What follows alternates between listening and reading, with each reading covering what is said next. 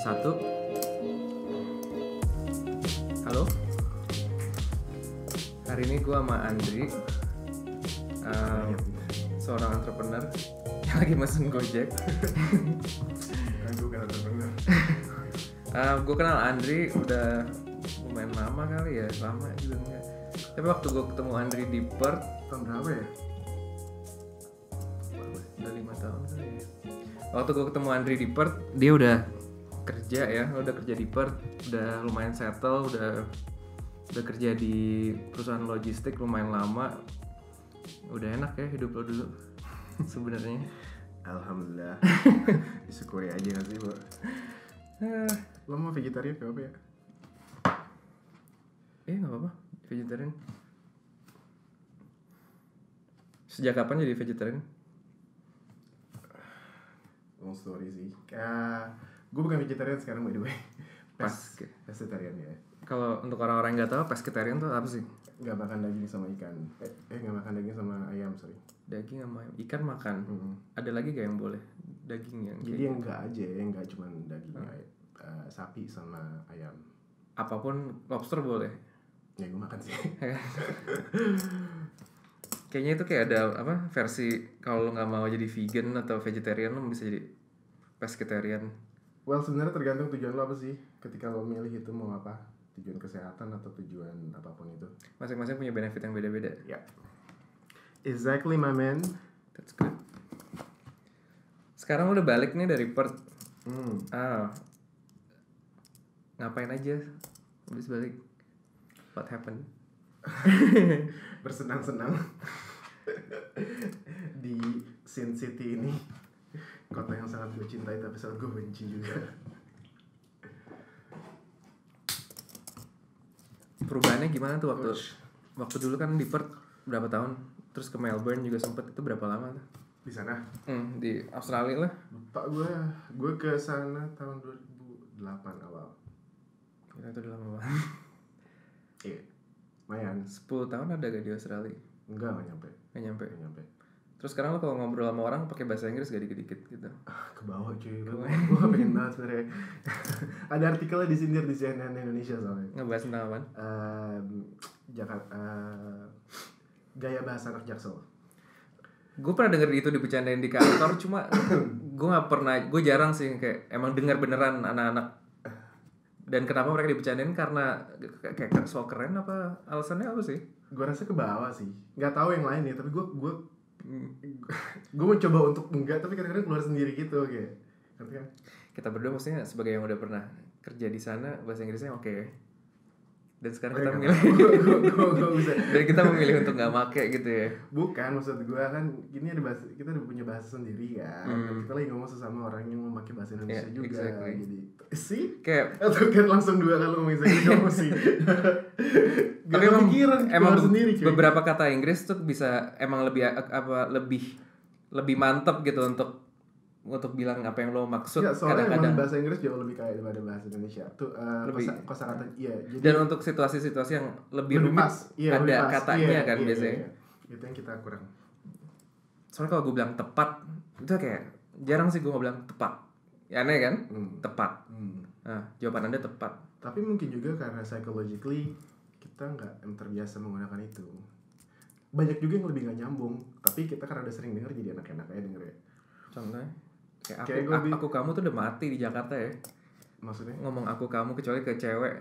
Aku kamu tuh Iya. kan sopan. Iya. sini lo gue itu udah bener-bener fix itu bahasanya. Eh enggak juga tergantung industrinya. Gue sering banget ngomong aku ke laki-laki lain. Kalau- Aku ke laki-laki lain anjing. kalau lagi kerja. Apa? kalau lagi kerja. Enggak, misalnya gue minta lagi nyari narasumber gitu Hah? em, Kayak bilang aku gitu Kayak aku bisa minta interviewnya nggak mas? Gitu. Eh, sopan kan maksudnya di dunia kerja kali ya? Mm-mm. soalnya kalau gue pernah kerja sama yang di Jogja di Jogja lebih lebih aku kamu gitu Iya, iya, daripada iya. Dan itu awalnya karena gue sering ke luar Jakarta. Ya Kalau Jakarta, Iya. aku ke laki-laki tuh kayak ya aneh. Gimana gitu kayak eh iya. Aneh gitu ya. Iya tuh pas gue ke daerah-daerah mereka pakai aku. Iya. Dan itu biasa, jadi gue bawa di situ itu yang gue rasa di Jogja kemarin sih orang pada ngomong semuanya aku kamu dan Iya, iya. nggak ada Ya udah, stigma enak-enak aja aneh dengernya gitu. kan. emang enak emang sebenarnya lebih sopan juga cuma di sini itu bahasa sama pacar gitu Iya. ya kan Iya. kayak lo pacaran lo deket sama Bahasa orang atau pacar, pacaran pokoknya- lu lagi pengen deketin cewek. iya kalau lo udah pakai kata aku kamu berarti kayak itu tanda buat tuh cewek kayak gue serius nih sama lo nih mau deketin Iya. Bener gak? Apa pun itulah. ya mau deketin aja Iya. ya kan ceweknya langsung kayak bilang ke teman ceweknya yang lain ah dia udah ngomong aku kamu gitu sama gue gitu Bener kan? Jo. Gue diem sekarang gimana masih jadi jurnalis gue dengar kan udah dari jurnalis dari lulus lulus kuliah ya Dari, ya dari ya pas pas pas mas magang magang gitu lah udah mulai pas lulus kuliah lu benar-benar langsung jadi jurnalis atau lu kayak status orang-orang baru lulus jadi pengacara gue jadi gak bisa dibilang jurnalis juga sih pas baru lulus. Kayak gue kuliah gue magang sebagai jurnalis habis itu gue lulus eh gue bikin bikin gue ada kayak semacam production house sendiri lah sama temen gue langsung bikin sendiri ya? Ah habis itu karena teman gue harus berangkat ke luar ke negara apa? Ke Washington. Luar biasa. Gue ditinggal kan? Gue gue cabut ke Perth. Bukan Donald Trump kan? Kan bukan. Oke. Jadi he's one of the best apa ya gue bilang partner. Bukan he's one of the best videographer di bidang dokumenter untuk generasi Umur kita berapa? sih. Generasi kita? Dia masih muda banget pasti. Angkatan kita bro. Ya, kita masih muda benar kita masih muda. Kita masih muda. Sudah muda. jadi itu kelar tuh uh, project Itu project apa? yang lo bikin saat itu ya pokoknya di- bubar pokoknya- total. Nggak ada iya, pas- ada pas dia- lanjutin. dia ciao gue ciao intinya. Terus udah. Udah ada sekarang apa lagi. Uh, jadi pas gue di Perth gue kayak bantuin dia dari jadi dia bikin dokumenter-dokumenter di Indonesia itu Hmm. gue coba. Tunggu dia kan Washington dia ke Washington terus dia udah selesai kan berapa buat buat VOA tapi sekarang lu yang malah di Perth kan ya, jadi kan dia dia ke VOA itu gue lupa berapa tahun Voice of America Iya, Hmm. terus dia balik bikin production house sendiri uh, lagi fokusnya di dokumenter. Hmm. Nah, film-film dokumenter yang nggak ada commercial value, bukan nggak ada commercial, yang nggak ada sponsor, pokoknya yang clean independent, doku- dokumenter emang ada nyeni gitu dokumenter independen. Hmm. Um, kan punya dia tuh copyrightnya kan full kan, Hmm. ya terus gue coba masukin ke festival-festival di, di Australia waktu itu gue bantuin. sukses Aduh, ya masuk masuk ke beberapa festival sana. dari supaya supaya film-film kita ditonton bro dan kita kualitasnya kalau menurut gue materi sangat, nggak kalah bukan nggak kalah sih materi dokumenter di Indonesia tuh bagus-bagus menurut gue autentik dan seksi sih gue bilang autentik dan seksi seksi as in nggak literal Kon- kontennya. kontennya. Iya, iya. bukan seksi tete gitu kan. I- kayak dari dulu sekarang kan udah ada sih sebenarnya. Tapi yang dari dulu dari kecil gue pengen lihat dokumenter ya anak jalanan. Ya ya kan? Kayak itu sesuatu yang gue pengen tahu hidup mereka kesehariannya gimana.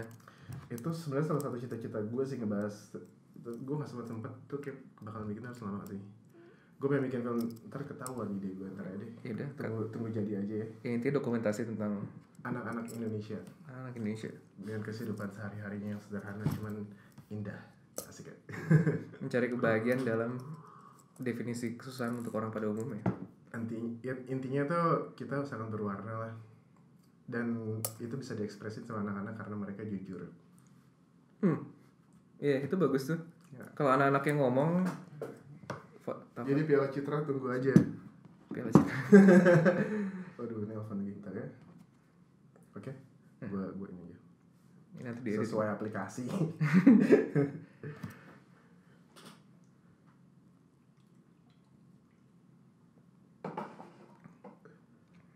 Oke. Wih, minum apa, Pak? Salat dulu kali, Pak.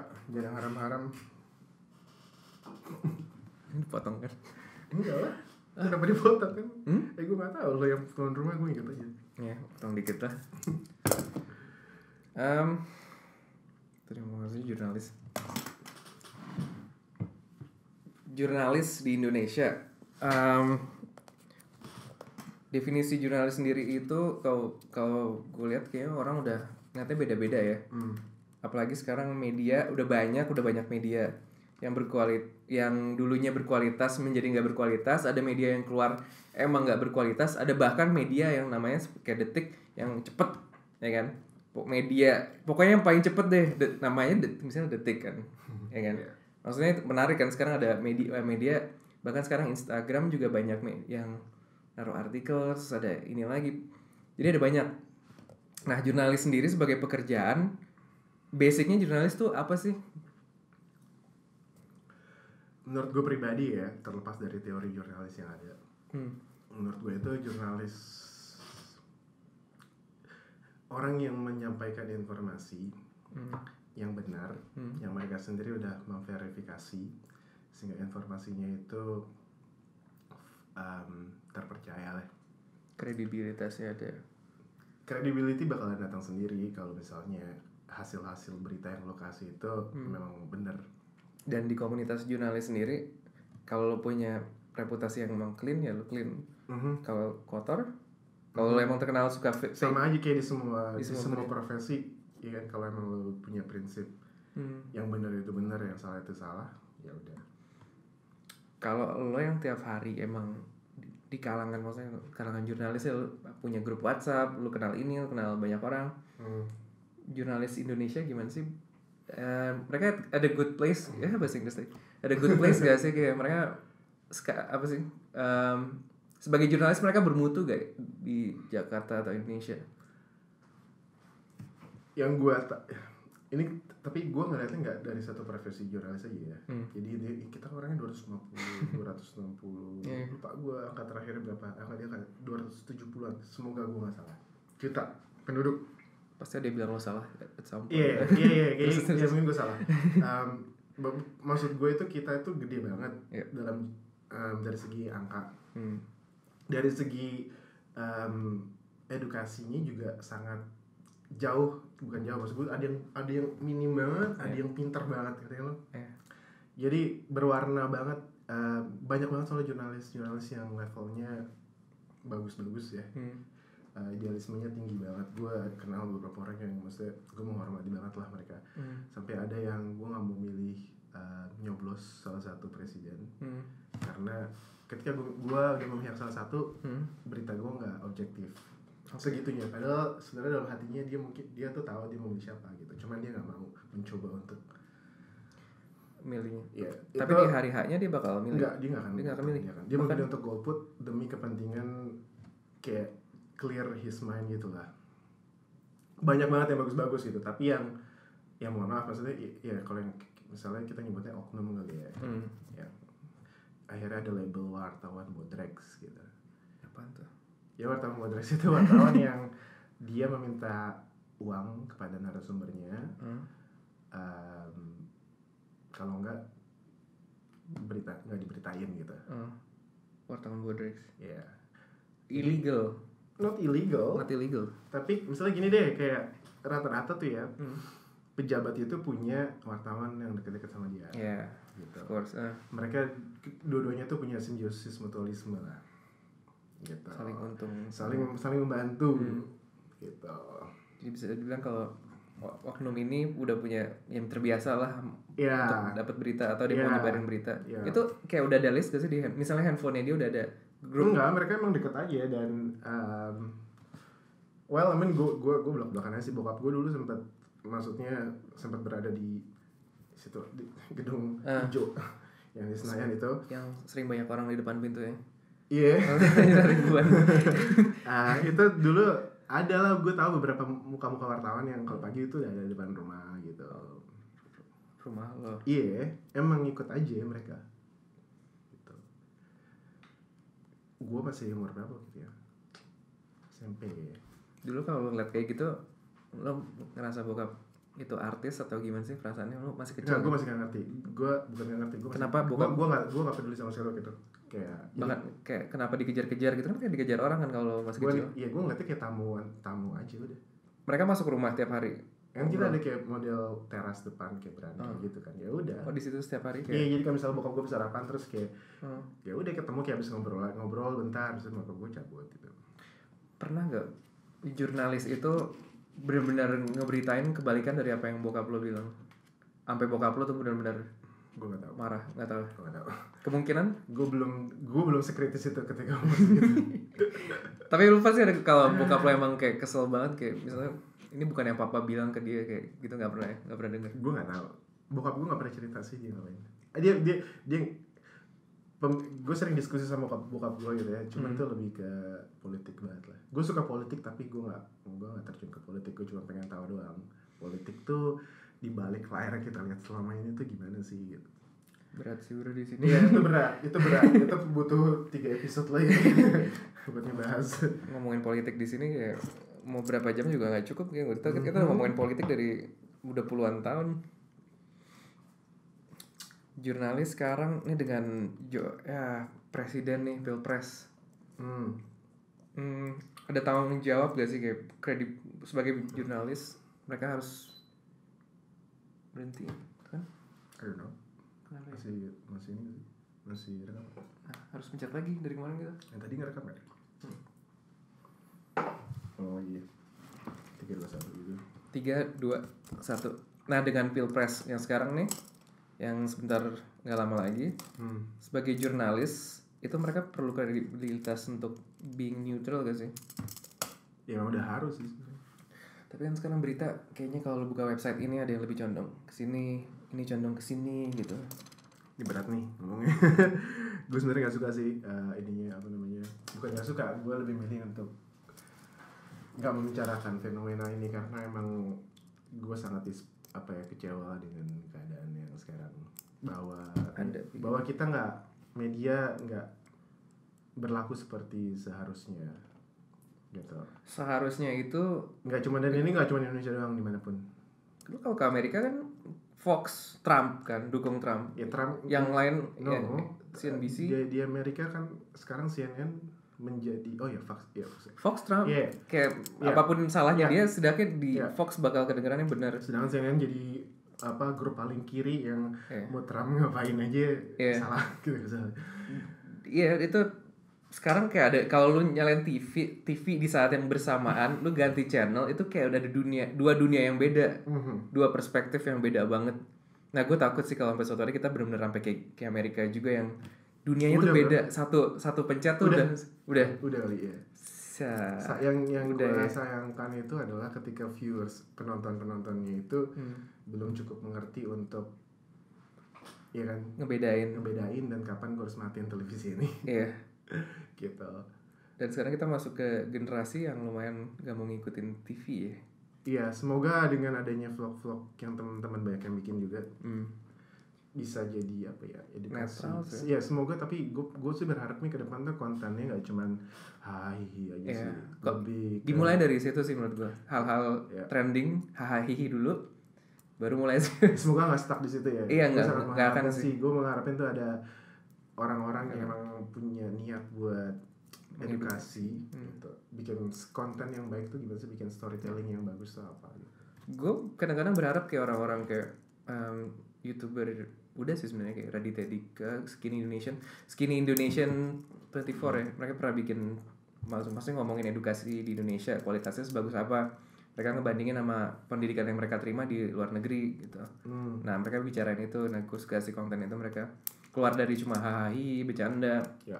atau ke sekolah-sekolah internasional ngebandingin sama sekolah Indonesia tapi mereka juga mulai bahas emang mereka sempat kayak mau coba kayak John Oliver yang proaktif dulu PSSI mau ditanyain visi misinya aja kayak prosesnya susah banget dan mereka nunjukin gitu Hmm, hmm, itu menarik kayak mereka mau nanya em, eh, PSSI itu mau apa sih visinya untuk sepak bola Indonesia itu kejadiannya setelah apa ya, Indonesia kalah ke- belum lama inilah Malaysia.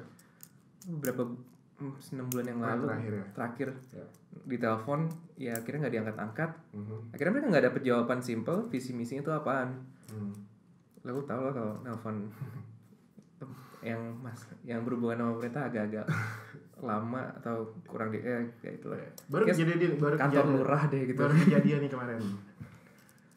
Gue lagi bikin dokumenter tentang Bantar Gebang. Hmm. Kayak gue liat dikit ya isunya bagus banget. Hmm.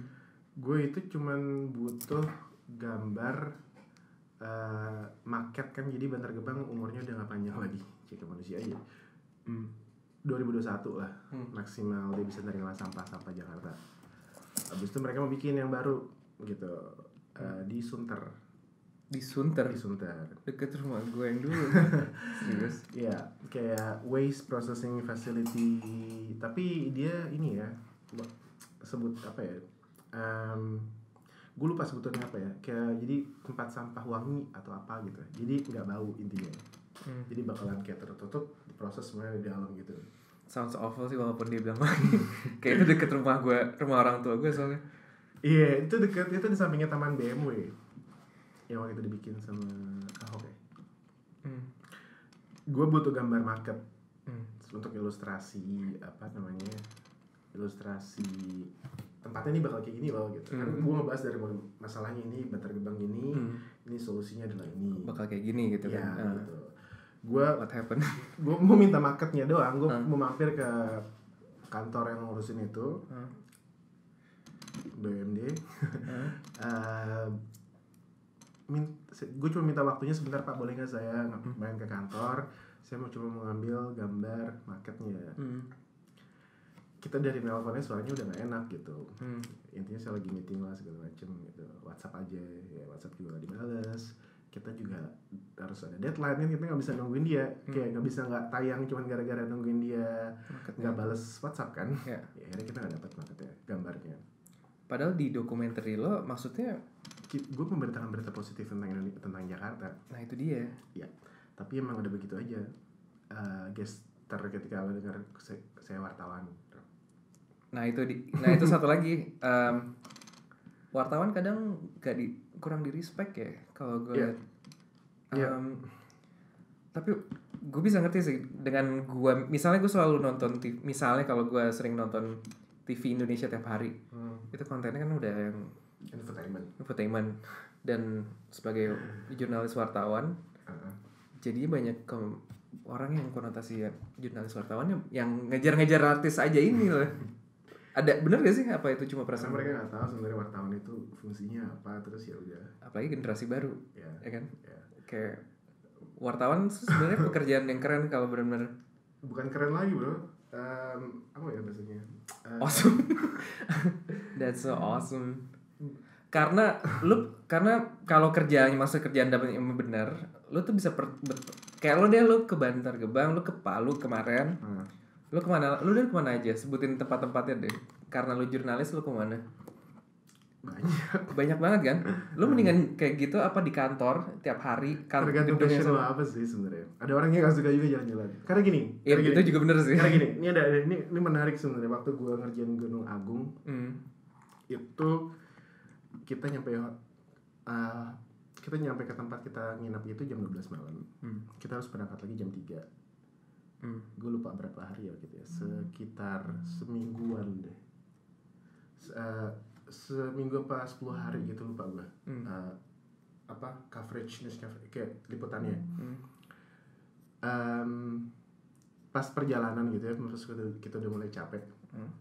berapa hari gitu kan karena tidurnya rata-rata tuh tiga jam sehari Hmm. capek banget nyampe jam 12 berangkat lagi jam 3 di perjalanan pagi pas kita berangkat tuh reporter gue nanya kayak kayak apa yang lo gak suka dari kerjaan lo? Hmm. gue gak bisa jawab. Kenapa? Gue gak bisa jawab. Lu suka itu? Nggak ada yang gue gak suka. In every element of my job. Bahkan lu walaupun lu tidur cuma tiga jam lu suka kan? Gue lebih memilih untuk kerja dibandingin banyak tidur.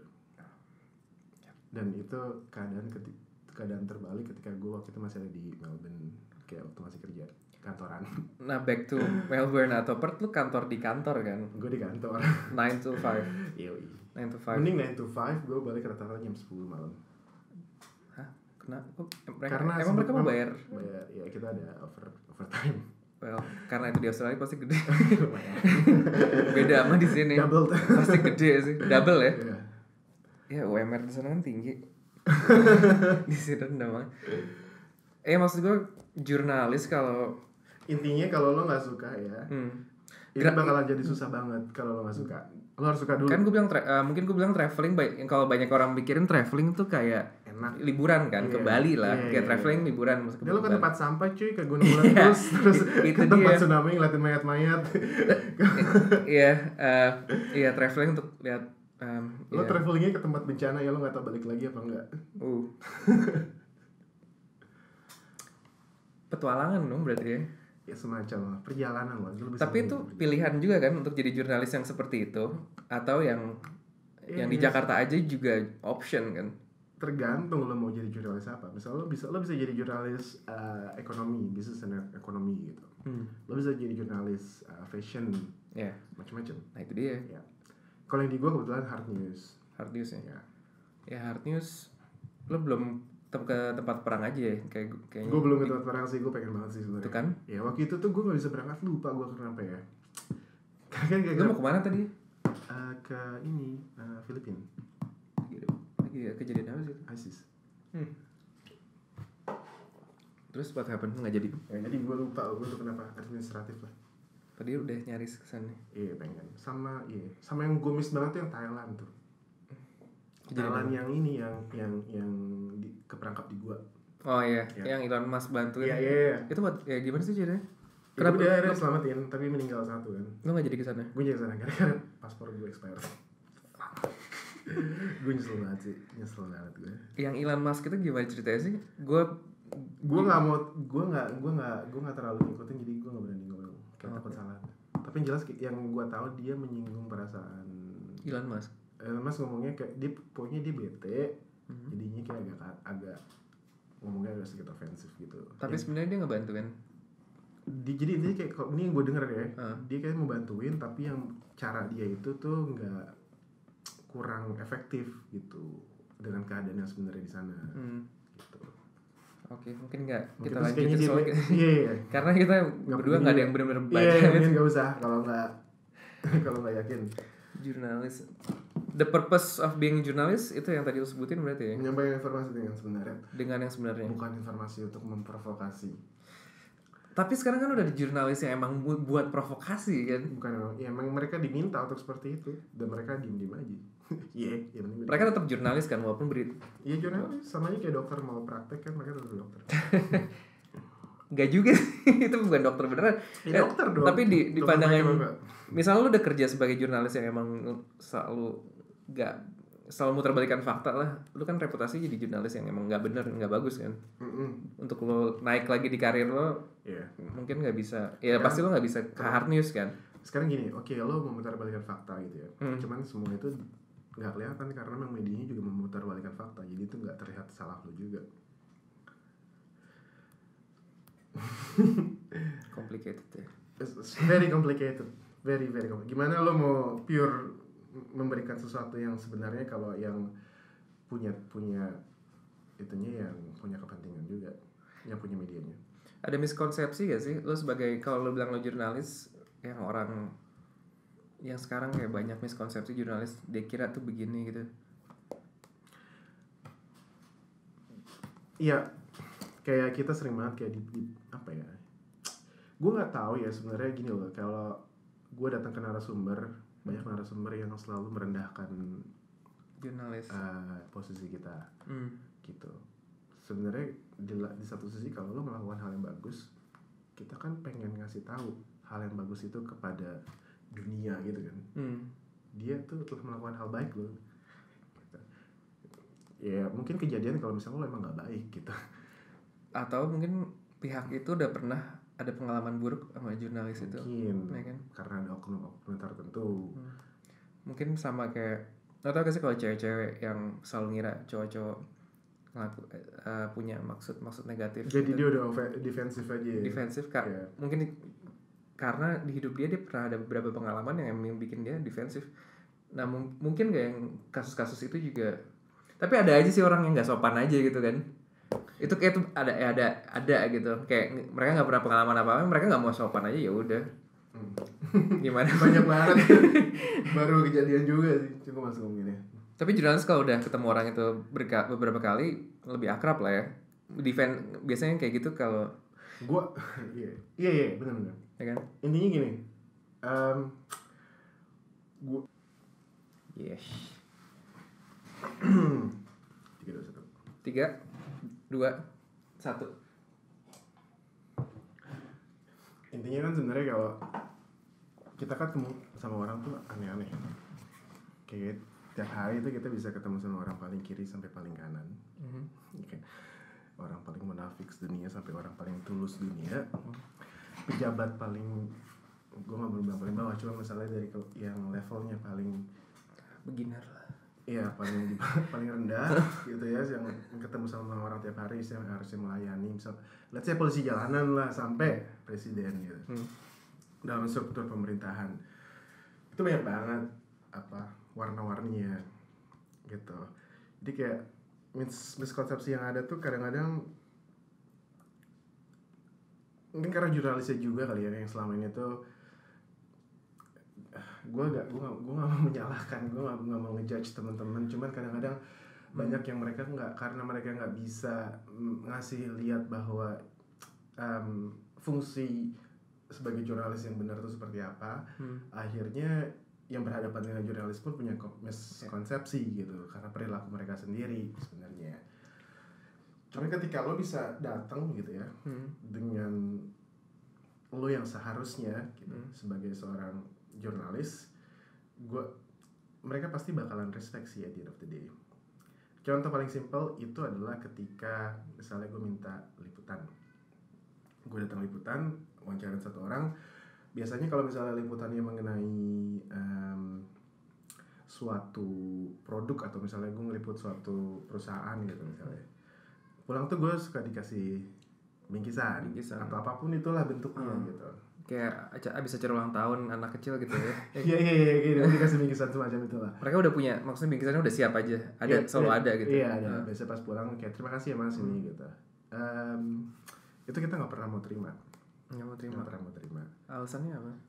Eh, pertama karena eh, kita nggak pengen pemberian itu mempengaruhi objektivitas berita kita kita kan ceritain apa adanya aja gitu Hmm. kalau jelek ya jelek kalau bagus ya bagus sesimpel sesimpel itu sebenarnya Apa ada harapan dari orang yang kasih bingkisan? Eh, mungkin Gua ada, nggak- gua mungkin nih ya, mungkin Iya. enggak gitu. Tapi untuk netral, Mhm. jadi lo milih untuk enggak kan? even Oh. misalnya gue eh, ngeliput restoran yang sedikit beda nih Hmm. dari dari biasanya gitu Hmm. kita mau nggak mau kita makan di situ kan kita harus nyobain kan Hmm. kalaupun nggak nyobain makanannya ya kita pasti kadang-kadang makan di situ gitu Iya. itu biasanya kita nggak nggak- eh, selalu nggak nggak disuruh bayar Hmm. Tapi kita maksa itu kita harus bayar hal-hal sesimpel itu sebenarnya bisa ngasih edukasi ke orang-orang bahwa seharusnya itu seperti itu memang Tapi kalau gue bayangin orang orang orang kalau mi- ditraktir kayak pasti gitu ya. Kadang-kadang gue ya. sih maksudnya kayak kayak iya kayak misalnya gitu. kemarin gitu ya Eh, em, ada kejadian baru. ya gue ngerti banget kalau misalnya ibu itu memang jadi ada ada jadi kita itu gue tuh sukanya ya Hmm. ketika gue milih cerita itu yang ngasih tentunya pasti ngasih berita positif Indonesia Iya. ya kan kepada dunia inilah gitu Hmm. misalnya ada satu em, fashion designer modest gitu yang uh, busana muslim Hmm. Em, dia udah show di Fashion Week eh sorry Pa- Paris Fashion Week Luar biasa. di London Fashion Week Hmm. di, di Hong Kong Fashion Week Eh, pas mau pulang kita dikasih kayak bingkisan gue nggak tahu isinya apaan Hmm. eh sorry sorry bukan itu yang gue maksud kita eh, photoshoot untuk ilustrasiin baju-baju hasil karyanya dia Hmm. itu di sebuah restoran gitu jadi pas kita datang kita udah dipesenin kayak kopi segala macam gitu Hmm. lah makanan Hmm. pas ya itu sebenarnya sih normal untuk etika Iya. orang timur kan kayak ada tamu lu siapin Iya. makanan gitu kan ya pas lagi dia lagi ke kamar mandi gue buru-buru langsung ke kasir ya Bayarin. gue coba bayar dulu jangan sampai dia duluan ke situ gitu Oh. It- itu salah satu kayak ya udah gitu kayak ketika lo kerja Hmm. em, coba gue mencoba untuk berperilaku seprofesional mungkin jadi kayak pas pulang dia kayak kasih bingkisan juga gue ngerti banget maksudnya itu karena baik aja gitu karena, karena emang ibu ini kadang-kadang gue suka bisa Hmm. kayak karena udah sering banget ngobrol sama orang ya Hmm. kayak mungkin skill observer gue gak sedikit lebih baik hari demi hari gitu kan Hmm. gue ya kelihatan lah ibu ini tulus emang pengen ngasih kayak baju koko ini harganya berapa sih gitu cuman Iya. gue bener-bener kayak gue gue bilangnya saya minta maaf banget bu kita nggak bisa terima gitu ya mungkin di lain kesempatan kalau saya lagi main ke sini lagi mungkin lagi acara yang sifatnya apa ya pengen kayak ya udah bukan bukan untuk kerjaan gitu ya Minggu saya, ini. iya saya bakalan terima pasti gitu Responnya gimana dia? dia Kaget- dia kaget agak gak? bingung dia kayak sempat nggak nggak bisa ngomong gitu kayak nggak tahu Iya. harus ini gimana gitu kayak Gue nggak inget terakhir kali gue ngeliat orang yang dikasih mau dikasih sesuatu di nolak. tapi itu maksud gue itu itu itu sebenarnya kecil banget kan ya Iya. maksud gue Well, apa ya hal kecil yang bisa tapi efeknya itu Iya. lumayan Nah, gue setuju hal-hal kecil itu yang manifest pelan-pelan kalau lo sedikit-sedikit mulai dari hal yang kecil, yang kecil, Hmm. lama-lama gue yakin lo end up ke hal yang besar. Dan emang penting gitu untuk jaga kredibilitas atau ya kayak lagu Blink All the Small Things. kayak hal yang kecil tuh justru penting. Apa pun ya misalnya negara ini lah kayak Hmm. bis kita nggak bisa berhenti di di di tempat bis berhenti itu hal kecil kan Iya. itu nggak bisa tapi puluhan tahun nggak nggak bisa miskonsepsi antara yang salah dan benar kita kadang-kadang nggak tahu pak gue percaya negara ini bisa jauh lebih baik kalau kita memperbaiki hal yang kecil dulu dari dasar dari akar Hmm, benar dan salah. Benar dan salah. Sesimpel itu sebenarnya tergantung topiknya juga sih. Hmm. roots roots itu penting loh kayak ke mana-mana. Ya. nah balik ke bingkisan-bingkisan itu ada bingkisan yang lebay gak sih kayak sampai dikasih sesuatu yang mahal? Tapi ini ini artis atau kayak lebih sosial orang politik Apa? yang yang ngasih bingkisan? Kayaknya udah terbiasa banget punya bingkisan gitu biasanya itu ini kalau bentuknya itu yang di cover itu tuh ininya dia. selebriti. Brandnya dia. Pokoknya brand pokoknya usahanya dia lah. Ya Eh, misalnya profiling seorang apa gitu. Misalnya chef gitu. waktu itu gue profiling seorang eh, dia tour leader yang Tour leader. skalanya nasional gitu. Tour leader? Ya tour leader tuh jadi kayak dia tuh ketua asosiasi ke, eh, tour leader tour tour guide tour guide Indonesia. Eh, tour Jadi- guide wisata. iya Eh, dia yang dia ini tourism. ada ya apa Eh, apa pun ada ya. Jadi pas gue datang kantornya memang itu kantornya dia yang isinya full branding gitu. Hmm. jadi ketika kita balik dikasih kayak ya bi- bikisan gitu.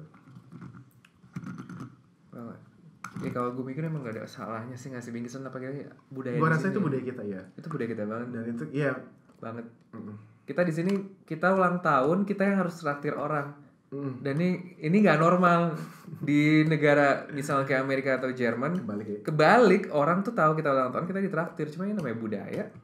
Mm, itu ada rootsnya juga tuh budaya itu datang dari mana. Iya, gue sempat baca sih juga gue mau nggak mau bahas tapi kemungkinan tapi tahu sih. ini ini menarik karena misalnya misalnya klien gue datang dari uh, luar Indonesia Hmm. mau ngeliput Indonesia. Ah iya what happened? Um, mereka kan kalau lagi kerja sama sekali nggak ada nggak ada tuh yang namanya bulan bekerja mereka ngasih tip.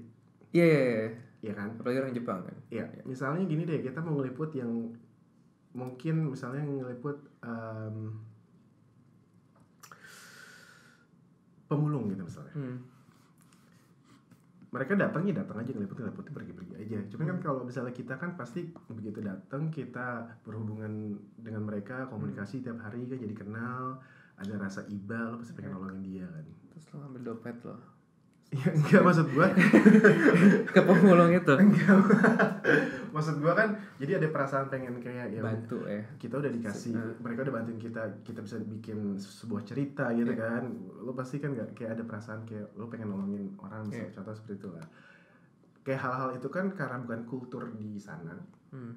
mereka nggak bukan karena mereka nggak mau nolongin cuman tapi me- mereka nggak berpikir sampai Iya. situ aja gitu. Ngerti. Ya dan ya ini kultur-kultur kayak gini ya lu bisa bayangin nggak di di Jepang kan orang tersinggung kalau dikasih tip kan? Ya itu terkenal banget. Dan itu bisa tolak belakang banget sama eh, kayak negara ini atau negara lain gitu bisa bertolak belakang banget. Tapi justru itu sih sebenarnya kultur itu menurut gua harus dijaga sih. Malah Iya yang sih. ya kan when you in Rome you have to act like Roman. Tapi yang tapi yang positif kali ya. Iya. Tapi itu ya agak beda konteks dengan em, soalnya jurnalis kan itu kalau kita balik konteks jurnalis kan itu yang sering di sering di, disalahartikan. sebagai jurnalis pun kalau misalnya jurnalis yang dari negara lain ke negara ini mereka culture nggak culture shock ya maksudnya mereka jurnalis maksudnya juga tahu gitu Mhm. Ini kita untuk berita bagi para jurnalis Indonesia is um, kayak sangat kaya lah dengan berita berita dengan cerita-cerita yang bisa diangkat banyak banget banyak banget. Nggak akan pernah habis gue bahkan bahkan angle apa pun. bahkan bukan dari jurnalis gue nemuin eh, vlogger YouTube dari Amerika dia pernah mau dijebak di Bali untuk ganja Hmm. dia bikin dia vlogger Ya, sekarang sih bagus dia bergaul sama Casey Neistat gitu. Hmm, hmm. Dia bikin bagus banget dulu dia di, mau dijebak polisi di Bali. Wah, gue pas nonton itu em, intinya polisi Bali mau nanam ganja di mobilnya dia, dia disuruh jalan. Hmm. Oh, polisinya udah nunggu di sini Hmm. gitu. Em, ya gitu sih. Ketahuan. Enggak, last minute dia kabur tapi ya gitu. Tapi ganjanya ada di mobilnya dia. Iya, masukin polisi. Itu menurut vlognya dia, C. Gimana? Gak bisa gue konfirmasi. Nggak bisa dikonfirmasi guys. menurut dia mungkin dia bohong kalau the struggle of truth kali ya kalau sebagai jurnalis ada gak sih momen di mana lo struggling em, antara lo harus bilang the truth ya Kecuali lo yang punya medianya. nah itu dia Lo nggak struggle. nah itu dia lo sebagai jurnalis nggak 100% yang ngontrol kenyataan kan Hmm. ya kan lo kalau Bukan kontrol kenyataan yang kita sampaikan adalah kenyataan, tapi begitu nyampe ada di terpublish Ah, bisa berubah ceritanya. bisa berubah Bisa berubah kan ceritanya ya. ada apa namanya proses itu Karena bro, jadi kan setiap berita yang kita kirim itu kan harus di approve sama tim editorial lah. Hmm. Karena mereka yang bertanggung jawab eh, terhadap semua konten yang udah dipublish. Oke. Itu tugas mereka memang. Biasanya tiap apa namanya tiap media itu punya agenda beda-beda yang jelas. Tergantung siapa orang di belakang media itu sih sebenarnya. Mhm. Nah kalau gue kebetulan tuh gue kan apa ya bisa dibilang medianya yang gue kas gue mengerjakan konten ke beberapa media yang berbeda-beda kan Hmm, jadi nggak satu aja jadi nggak satu Hmm. jadi ya gue bisa ngeliat lah kalau tiap kalau si media A itu Hmm. dia gayanya begini um, direction kontennya tuh ke sini Hmm. yang kalau media B ke sini tuh beda-beda tergantung um, agendanya sih Dan kalau lu kerja buat media yang lu udah tahu style kayak apa, lu adjust ke mereka atau lu kirim aja tapi lu tahu apa yang bakal mereka proses. Tergantung ininya tergantung uh, internal proses di editorialnya gimana ada kalau misalnya contohnya misalnya CNN internasional Hmm. uh, mereka fair sih gue bilang jadi yang gue kasih sama mereka tuh facts Hmm. ke- ke- kenyataan yang terjadi Hmm. gitu nanti factsnya itu sama mereka ditulis ulang gitu nah itu kan sebenarnya bagian paling penting kan ketika menulis ulangnya itu Dengernya aja gue udah mulai fax ditulis ulang itu kayak maksud Enggak, karena kalau kalau yang gue kirim itu benar facts kayak Oh. lo bukan untuk bahasanya bahasanya tuh kayak nggak nggak enak untuk dibaca Iya, karena misalnya jumlah brut ya. jumlah orang meninggal berapa Ah, penyebab kejadian kalau lo kalau di jurnalis itu ada 5 w 1 h nya kan iya. why when where whom apa lagi Satu lagi pasti bentar. Sorry, pasti gue selalu kelupaan satu. Tadi yang gue sebutin apa sih? Why when where Where, whom whom, which, when, where, why, who, gue selalu skip satu ya. Where, why. Ya udah anyway. Ya gue ngerti maksudnya. Enggak, enggak, gue, gue, gue, gue lupa. Why, when, where, what, whom. Yes, and how. Tadi yang kita lupa apa? What What, who, where, when, why, Kayaknya why and how. Ya kan? And how. Ya, ini yang kita kasih ke klien Pokoknya ini nggak boleh Ini pedoman, ini penting banget Gue suka bete kalau ngeliat teman-teman nggak nyantumin semua elemen ini Kalau ini ini kenapa ini 5W1H ini ada karena ketika semuanya ini ada lo udah kelihatan kalau ini ini beritanya sudah diverifikasi gitu. Dengan semua elemen ini ada. Itu kalau dari lo kan, itu dikirim dengan semua 5 W 1 H nya lo kirim ke me- tempat ke klien kita. Klien. Ya. Mm-mm. Hmm. nanti mereka nulis dengan in- intro yang enak. Ah, terbagian eh, body paragrafnya yang enak dibaca. Bahasanya yang kira-kira eh, ya high level of English misalnya. Berarti tadi dari kok dari perspektif lo ada beberapa jurnalis tuh yang nggak ngelakuin ini, nggak ngelakuin 5 W 1 H ini. Iya. Ada, ada banyak. unfortunately ya Kenapa mereka nggak? Karena 5 W 1 H ngebantu lo untuk perform. Maksudnya kalau lo ketemu Hmm. masalah lagi lo tinggal ikutin konsep. sebenarnya kalau misalnya lima satu itu kalau udah ada semua kan jadi lengkap aja beritanya gitu Ah. sebenarnya kalau berita yang nggak lengkap itu nggak nggak nggak layak untuk publish karena itu jadinya nanti orang gamang kayak nggak tahu nih sebenarnya gimana itu tuh yang sering akhirnya orang terprovokasi karena nggak lengkap beritanya sesimpel itu sebenarnya but ya itu the struggle-nya ya? Not the struggle the struggle is ketika nyampe di uh, desk di editorial yang ketika mempublish suara kita nggak sekencang itu untuk bisa menyampaikan bahwa yang sebenarnya itu kayak gini loh. Lo ada pengalaman yang mengarah ke situ gak sih? Um, gue ada, tapi ini ini yang baik sih. Misalnya contohnya waktu lo mau ini uh, waktu itu gue lagi ngerjain apa namanya ngerjain wait. Ada gue lagi bikin waktu itu buat tentang transge- transgender di Aceh buat CNN ini pengalaman langsung ya sebagai jurnalis Iya ini maksudnya ini gue, gue bikin ceritanya, gue gue yang gue yang uh, bikin storynya, lo yang ketik gue yang ngasih facts ke mereka. hmm. Jadi prosesnya sebenarnya proses itu beda-beda, hmm. tergantung permintaan klien gue maunya apa. oke gimana prosesnya yang ini Kalau yang ini um, ada kejadian di Aceh tentang transgender, jadi kayak ada uh, beberapa transgender di sana, terus diamankan oleh pihak kepolisian.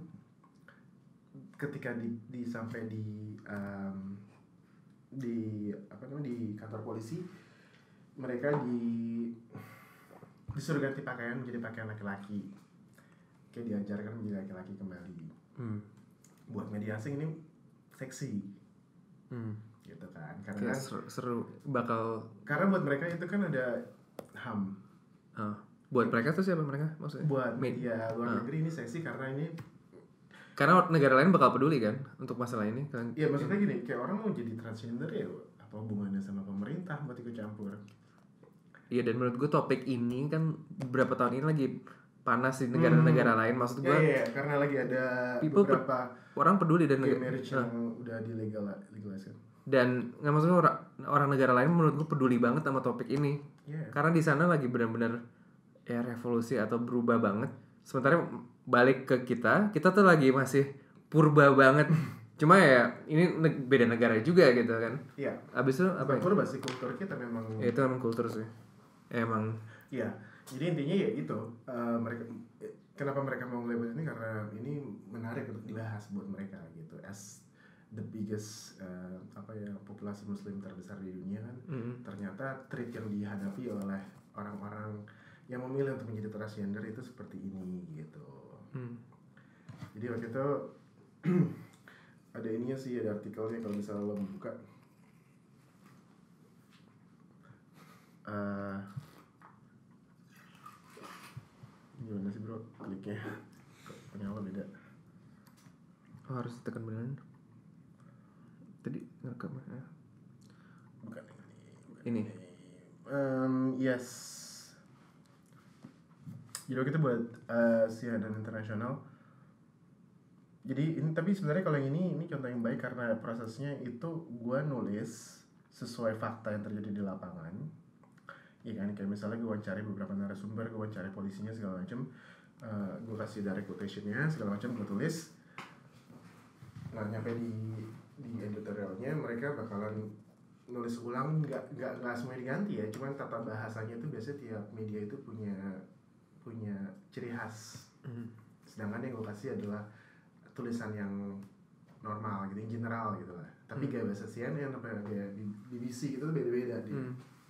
itu yang ditulis ulang jadi nggak nulis nggak semuanya fakta diganti semuanya sama cuman gaya penulisannya mereka biasanya punya ciri khas masing-masing hasilnya ini ini dia ya ini hasilnya ini kan waktu itu tentang apa sih yang badan Indonesian Police Shifters ya jadi kayak ya mereka ini 2018 mm-mm.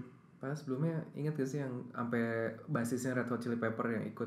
Ya itu anak anak pang sih itu beda sih. Kenapa? yang anak pang yang rambutnya dibotakin semua. Heeh. itu di Aceh juga kan? Yang sampai basisnya Red Hot notice maksudnya berita itu sampai dia denger gitu loh dari Aceh. Hmm, sampai hmm. situ Aceh bukan sih? Gua nggak tahu. Gue harus cek deh nanti. ya kita balik ke sini dulu deh sebelum kita lanjut. Jadi nah begitu gue nyampe nah cuman kalau di CNN itu gue sukanya mereka sebelum dipublish mereka kirim ke gue kirim ke lo dulu? Kirim ke gua lagi. ke jurnalisnya ya? Ke gue ya. Hmm. mereka minta gue recheck gitu. Dan itu karena ini beritanya benar-benar lo yang push dari awal apa? Ini ini sesuatu yang lu bilang ke tempat lo gue mau liput ini atau kenapa? Oh kalau yang ini biasanya dia prosesnya tuh biasanya kita bilang. Hmm. kita kita itu ngasih em, apa namanya kayak semacam kayak kayak pitching pitching berita pitching story. Hmm. di Indonesia ini ada kejadian ini ini ini ini, ini hari ini gitu. Hmm. nanti klien gue biasanya ada yang nyaut tuh. Ah Oke. gue tertarik yang ini tolong diliput. Kayak barter gitu. Enggak kayak, ah, nggak, kayak, kayak jual kayak kayak gue deh. iya. kayak pitching Nah, tapi pitching. kocak aja kayak. Gue gak pernah denger kayak gitu. kalau di advert kan kayak lo pitching ide kan. Iya iya iya. Gue mau bikin iklan ini lo Iya. idenya gini ya Nggak, yang kocak gue gak pernah denger kayak oke hari ini ada yang mati di sini. Hari ini ada yang ketiban ini. Hari ini ada yang begini kayak lo untuk denger itu tiap hari pasti pikiran lo juga kena kayak oh iya ini emang agak aneh gitu kayak. Gue kadang-kadang udah imun. Bro yang CNN pagi-pagi tiap pagi mereka kan yang selingan-selingannya gue capek dengerin ini yang ibu-ibu ngelempar bayi atau jual bayi. Bayi dilempar di lantai tiga kalau nggak salah. Di mana? CNN, CNN Indonesia atau dijadiin selingan. Jadi tiap pagi, tiap pagi udah beberapa minggu kayak nonton berita selingannya tuh kayak itu kan. Ya seorang ibu-ibu gini-gini. Kayak aduh udah dong kayak gue mau denger bayi dilempar dan gue pertanyain siapa yang milih itu sih kenapa harus bayi dilempar ya emang emang bikin gue mikir sih. Cuma ya gue gak yang jelas setiap bilang itu pasti mereka udah punya reason. Iya, exactly. Mereka nggak mungkin, mereka nggak bodoh intinya sih gitu. Jadinya kan gue dengernya cuma ya akhirnya tapi sekarang kita di kita punya pilihan untuk nggak mau dengerin itu kan. Kita cari beritanya kan. Hmm. kita buka hmm, kita punya kontrol. kita punya kontrol yang luar biasa banget dari Daily Mail kita bisa buka CNN kita bisa buka media lain. Gue nggak mau agak males sih kayak duduk terus beritanya diulang-ulang. Terus juga segmen antara beritanya Hmm. itu tuh diulang juga. Jadi dengan sekarang semuanya ada YouTube ada berita kita bisa buka semuanya tuh kayak agak agak dam gitu pelan pelan sih. Jadi pelan rasanya nonton TV sebenarnya paling pinter sih kalau ya kita sebagai penonton kita harus kayak lebih pinter kalau oke nih media A nih. Kita harus pinter juga lah ini punya siapa sih? Gitu. iya. Ya kan? Itu eh, terus, setiap dia memberitakan itu angle-nya ke mana? Jadi kalau begitu ada udah mulai agak doji itu kayak ya, lo jangan jangan ke bawah aja sebenarnya masalahnya that's the that's the yeah that's the real struggle to tell the truth Tapi masalahnya kayak emang most people don't have the time to check it. Orang kerja dari jam 9 sampai 5 kebanyakan di Indonesia. Berapa persen? 90 persen, 95 persen. Mereka capek, mereka pulang atau mereka masih pagi sebelum pergi kerja. Hmm. Kayak gue bisa ngerti orang tuh nggak ada waktu lagi ngefilterin kayak apa yang baik, apa yang buruk. Ini medianya siapa kayak. Gak usah filter kalau udah kayak lu bisa lu baca media A yang lu udah tahu lah nih punya siapa gitu. Terus udah gak kayak ah, ya udah nggak usah nggak usah lo percaya ya udah ini aja. Unfortunately ya gue harus ngomong kayak gitu di di di apa ya sebenarnya kan ini industri yang ngasih gue nafkah tapi gue rasa gue nggak bisa ngorbanin ya cuma karena ini aja nafkah. Nah itu unfortunately berita pun tuh nggak jadi source berita yang pure. iya. Jadi musuhnya berita tuh benar-benar stuck. Wah, tau deh. Kalau berita jadi berita pure, lo jadi bisa jadi alat propaganda juga kan. contohnya gimana Kalau ada cuma satu source berita, oh Ya berita kan? pure kan pure kan bukan berarti satu source berita dong nggak misal misalnya cuma ada satu channel misalnya TVRI atau Hmm, hmm, hmm. cuma satu channel. Hmm. Eh, ini udah channel berita lo. Kayak di North Korea cuma ada satu channel gitu. Iya. Jadi propaganda kan. Iya. Tapi kalau sekarang ya emang tanggung jawab kita sih masing-masing Hmm. filterin berita yang benar, berita yang salah. Hmm. Tapi itu argumen gue tadi dengan orang-orang yang kerja yang waktunya kemakan, ya banyak yang menurut gue bukan yang bukan yang bodoh, bukan yang nggak mau ngasih waktu.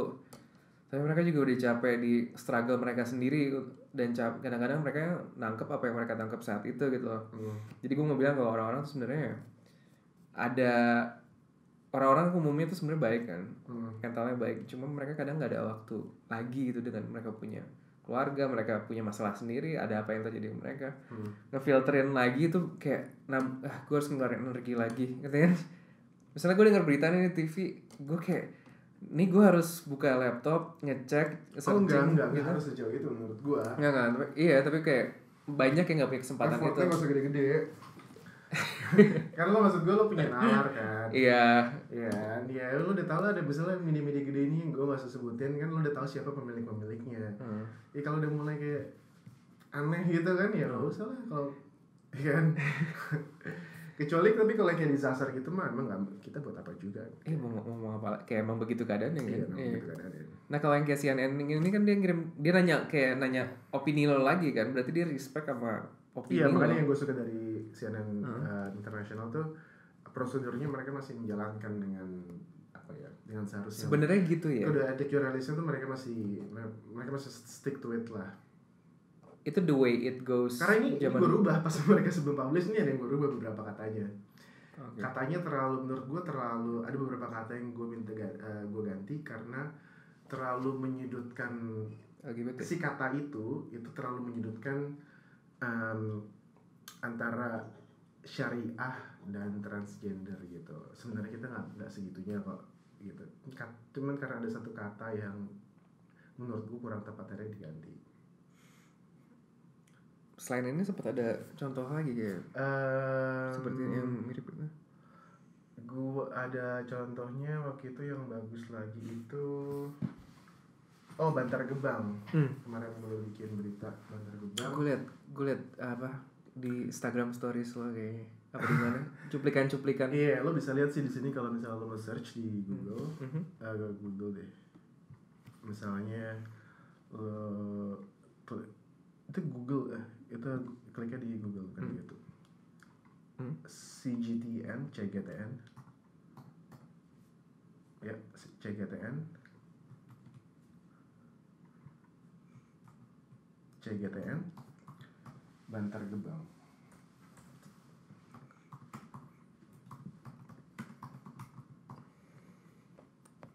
No internet.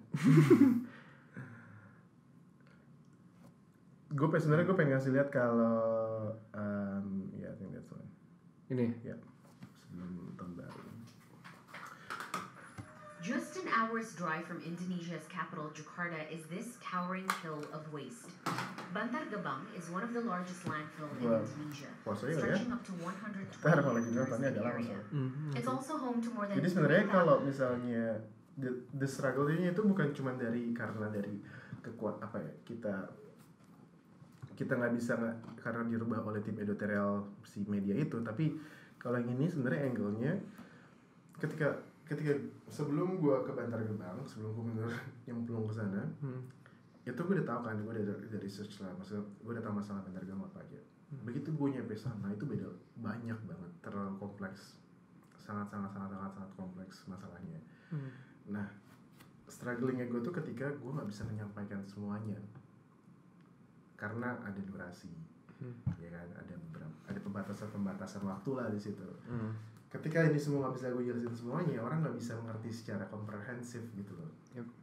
jadinya ya antara gue tuh takut kalau orang nggak mengerti semuanya akhirnya orang ngerti sebagian akhirnya cuma menyalahkan sebagian gitu. Masalahnya sekompleks itu beban tersendiri jadinya buat gue ketika lo cuma punya durasi sekian banyak gitu ya sedangkan masalahnya terlalu banyak. Ini tuh buat si durasi itu durasi video iya ini kan eh, rata-rata tuh eh, news package itu kan tiga menit. Tiga menit tiga Ya. menit Ya. gimana lo bisa nyampein masalah segitu kompleksnya ya? Dengan hanya tiga menit gitu. Ada ini gak sih uh, extension dari misalnya nih oke misalnya berita kan di sini kan? Hmm. ya apa sih? Di China, China Global Television Network. Channel global television. Um, sebenarnya so- pasti masa nggak ada sih kayak beritanya begini ya kan ini cuplikannya. Hmm. terus ada um, kayak read more gitu lah maksudnya kayak untuk berita lebih lengkapnya. Enggak karena memang mereka nggak ada em, kita cuma memang begitu kita ngasih berita tuh kita cuma dikasih slotnya segini banyak aja. Hmm, nggak ada kayak lebih lengkapnya nggak gitu ya. bisa nggak bisa. Emang udah batasnya ya tapi ya ini masih lebih baik sih dibandingin lo berita lo diputar balikin gitu maksudnya jadi di strugglesnya itu juga elemennya banyak banget nggak cuma dari kepentingan di belakang gitu jadi durasi bahkan kalau lu ceritain sekarang bakal lama banget ya bakal tapi lo punya YouTube itu kan yang lo Apa? mau bikin jadi nggak jadi setelah gue bikin berita yang untuk klien gue ini gue bikin Hmm. gue lagi bikin kayak short dokumenter tentang Bantar Gebang hmm. yang emang gue sendiri makanya itu sebenarnya tujuan gue bikin itu tuh untuk menyampaikan um, pesan-pesan yang gue nggak bisa sampaikan through Hmm. my clients gitu loh karena mereka punya agenda sendiri-sendiri kan. Gue nggak bisa nge-push mereka juga. Banyak banget isu-isu yang sebenarnya sangat teramat penting tapi kita nggak pernah mau peduli karena mungkin nggak tahu kurang menarik kali ya buat mereka. Padahal itu isunya sangat penting buat mereka sih. Sekarang banyak sih.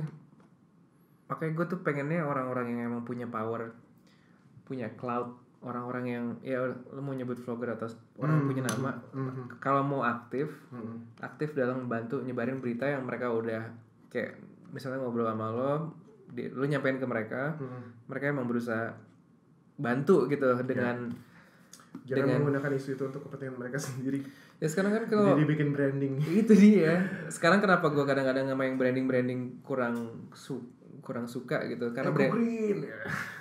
Iya coba jelasin lebih dalam lagi gitu kan. Iya. maksudnya kalau lu punya cloud lo lu punya masa lo pakai buat yang lebih baik lah. Dan mencoba untuk lebih tulus sih gue bilang. Lo boleh memanfaatkan isu itu untuk bisa branding image lo tapi jangan maksud gue jangan dijadikan isu itu lebih nggak penting daripada image dan branding lo ngerti gak sih lo?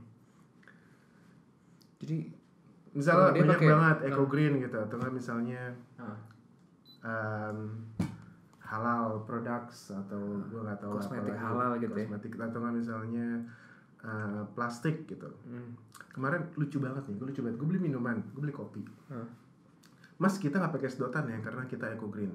Eh. oke gitu. eh, yang dikasih sama gue Hmm. package-nya full plastik bro. Lo tau gelas plastik? Tutupnya plastik dibungkus sama plastik.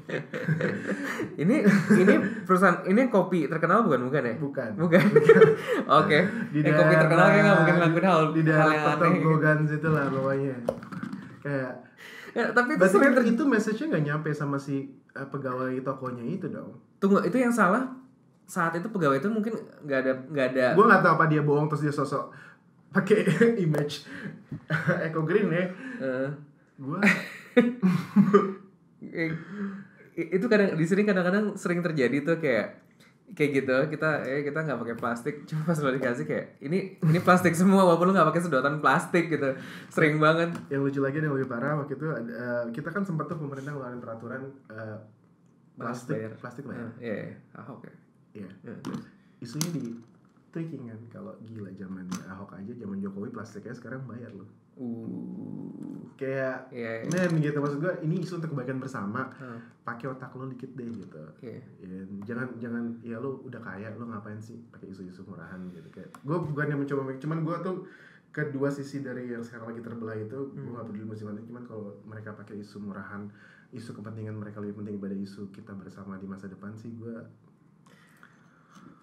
itu bagus ya untuk misalnya orang kayak Ahok punya vlog sih. Orang kadang ngeliat Ahok punya vlog ada yang mikir kayak pencitraan terus ini itu.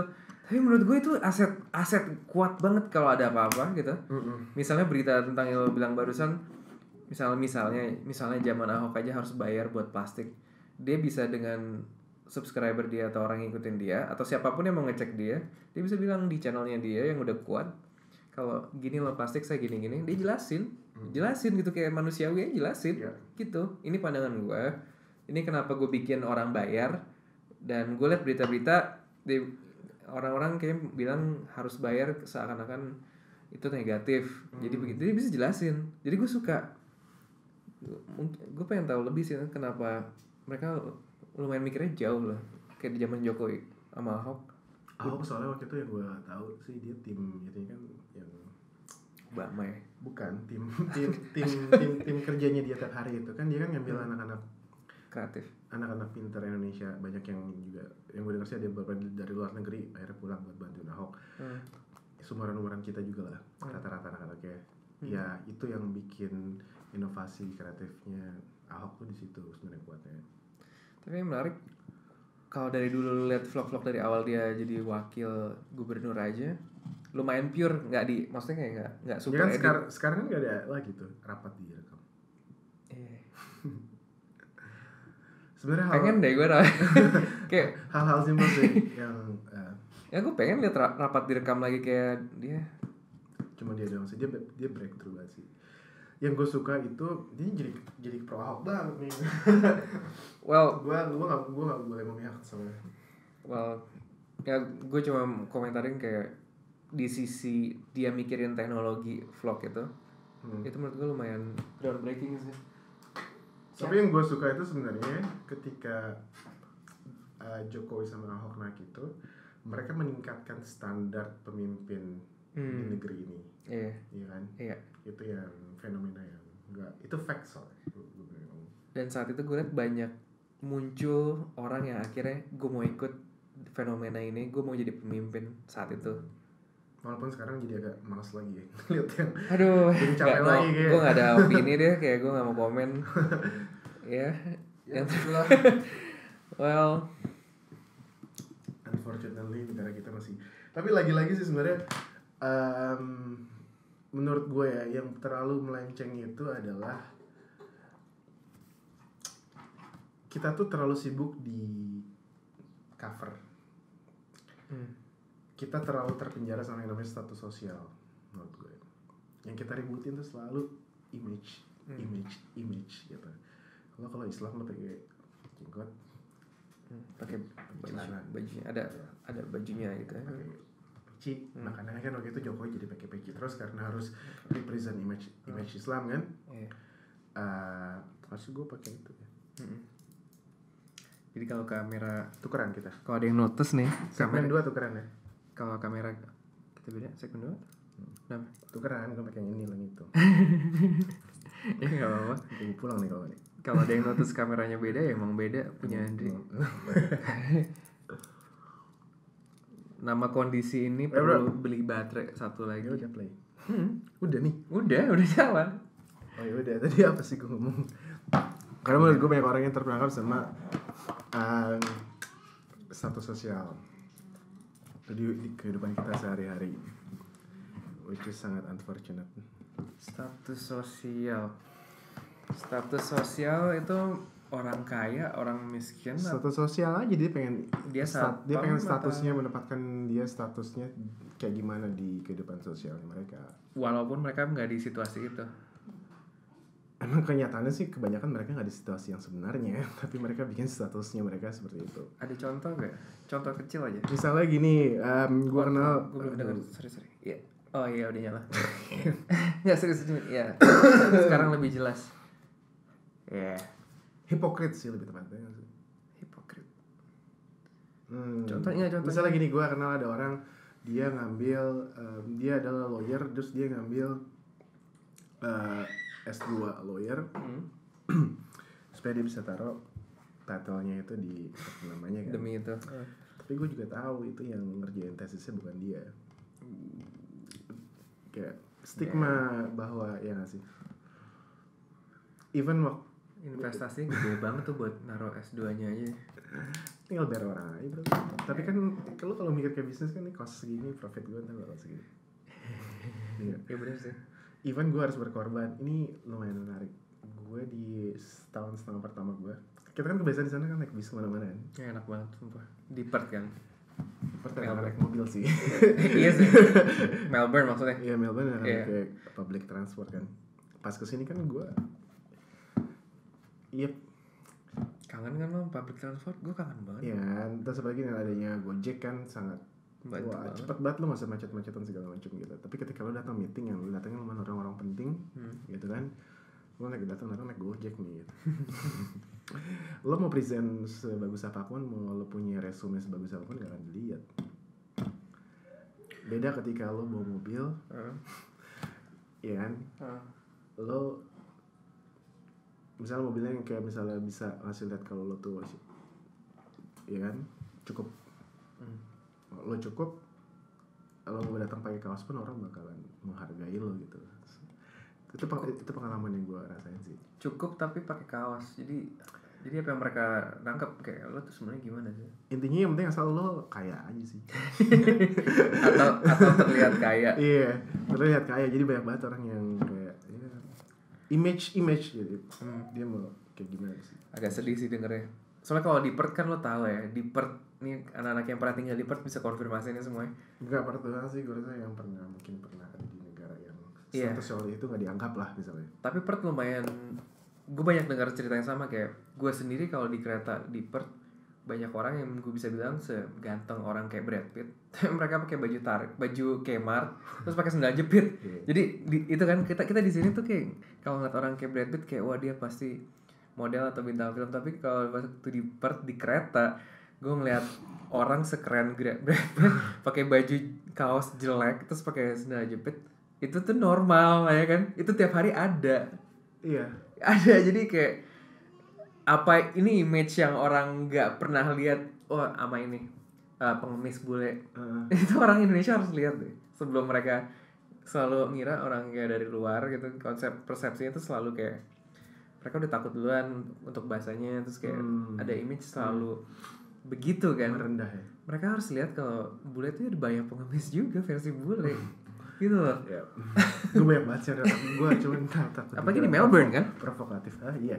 di Melbourne bahkan Melbourne tuh annoyingnya soal di pusat kotanya banyak pengemis eh, orang Melbourne lokal terus mereka di pusat kota punya misalnya punya anjing atau punya suami di di ujung duduk di ujung lantai kayak obviously kita semua bisa ngelihat lo gitu jadi Tapi sebenarnya bukan itu sih yang gue maksud. Iya mungkin itu bisa juga. Cuman gue lebih yang kayak, kayak misalnya gini deh. aku Kalau- udah kalau- off topic enggak enggak maksudnya, maksudnya, maksudnya misalnya gini kalau di sana itu misalnya yang yang bedain gue sama manajer gue itu adalah hmm.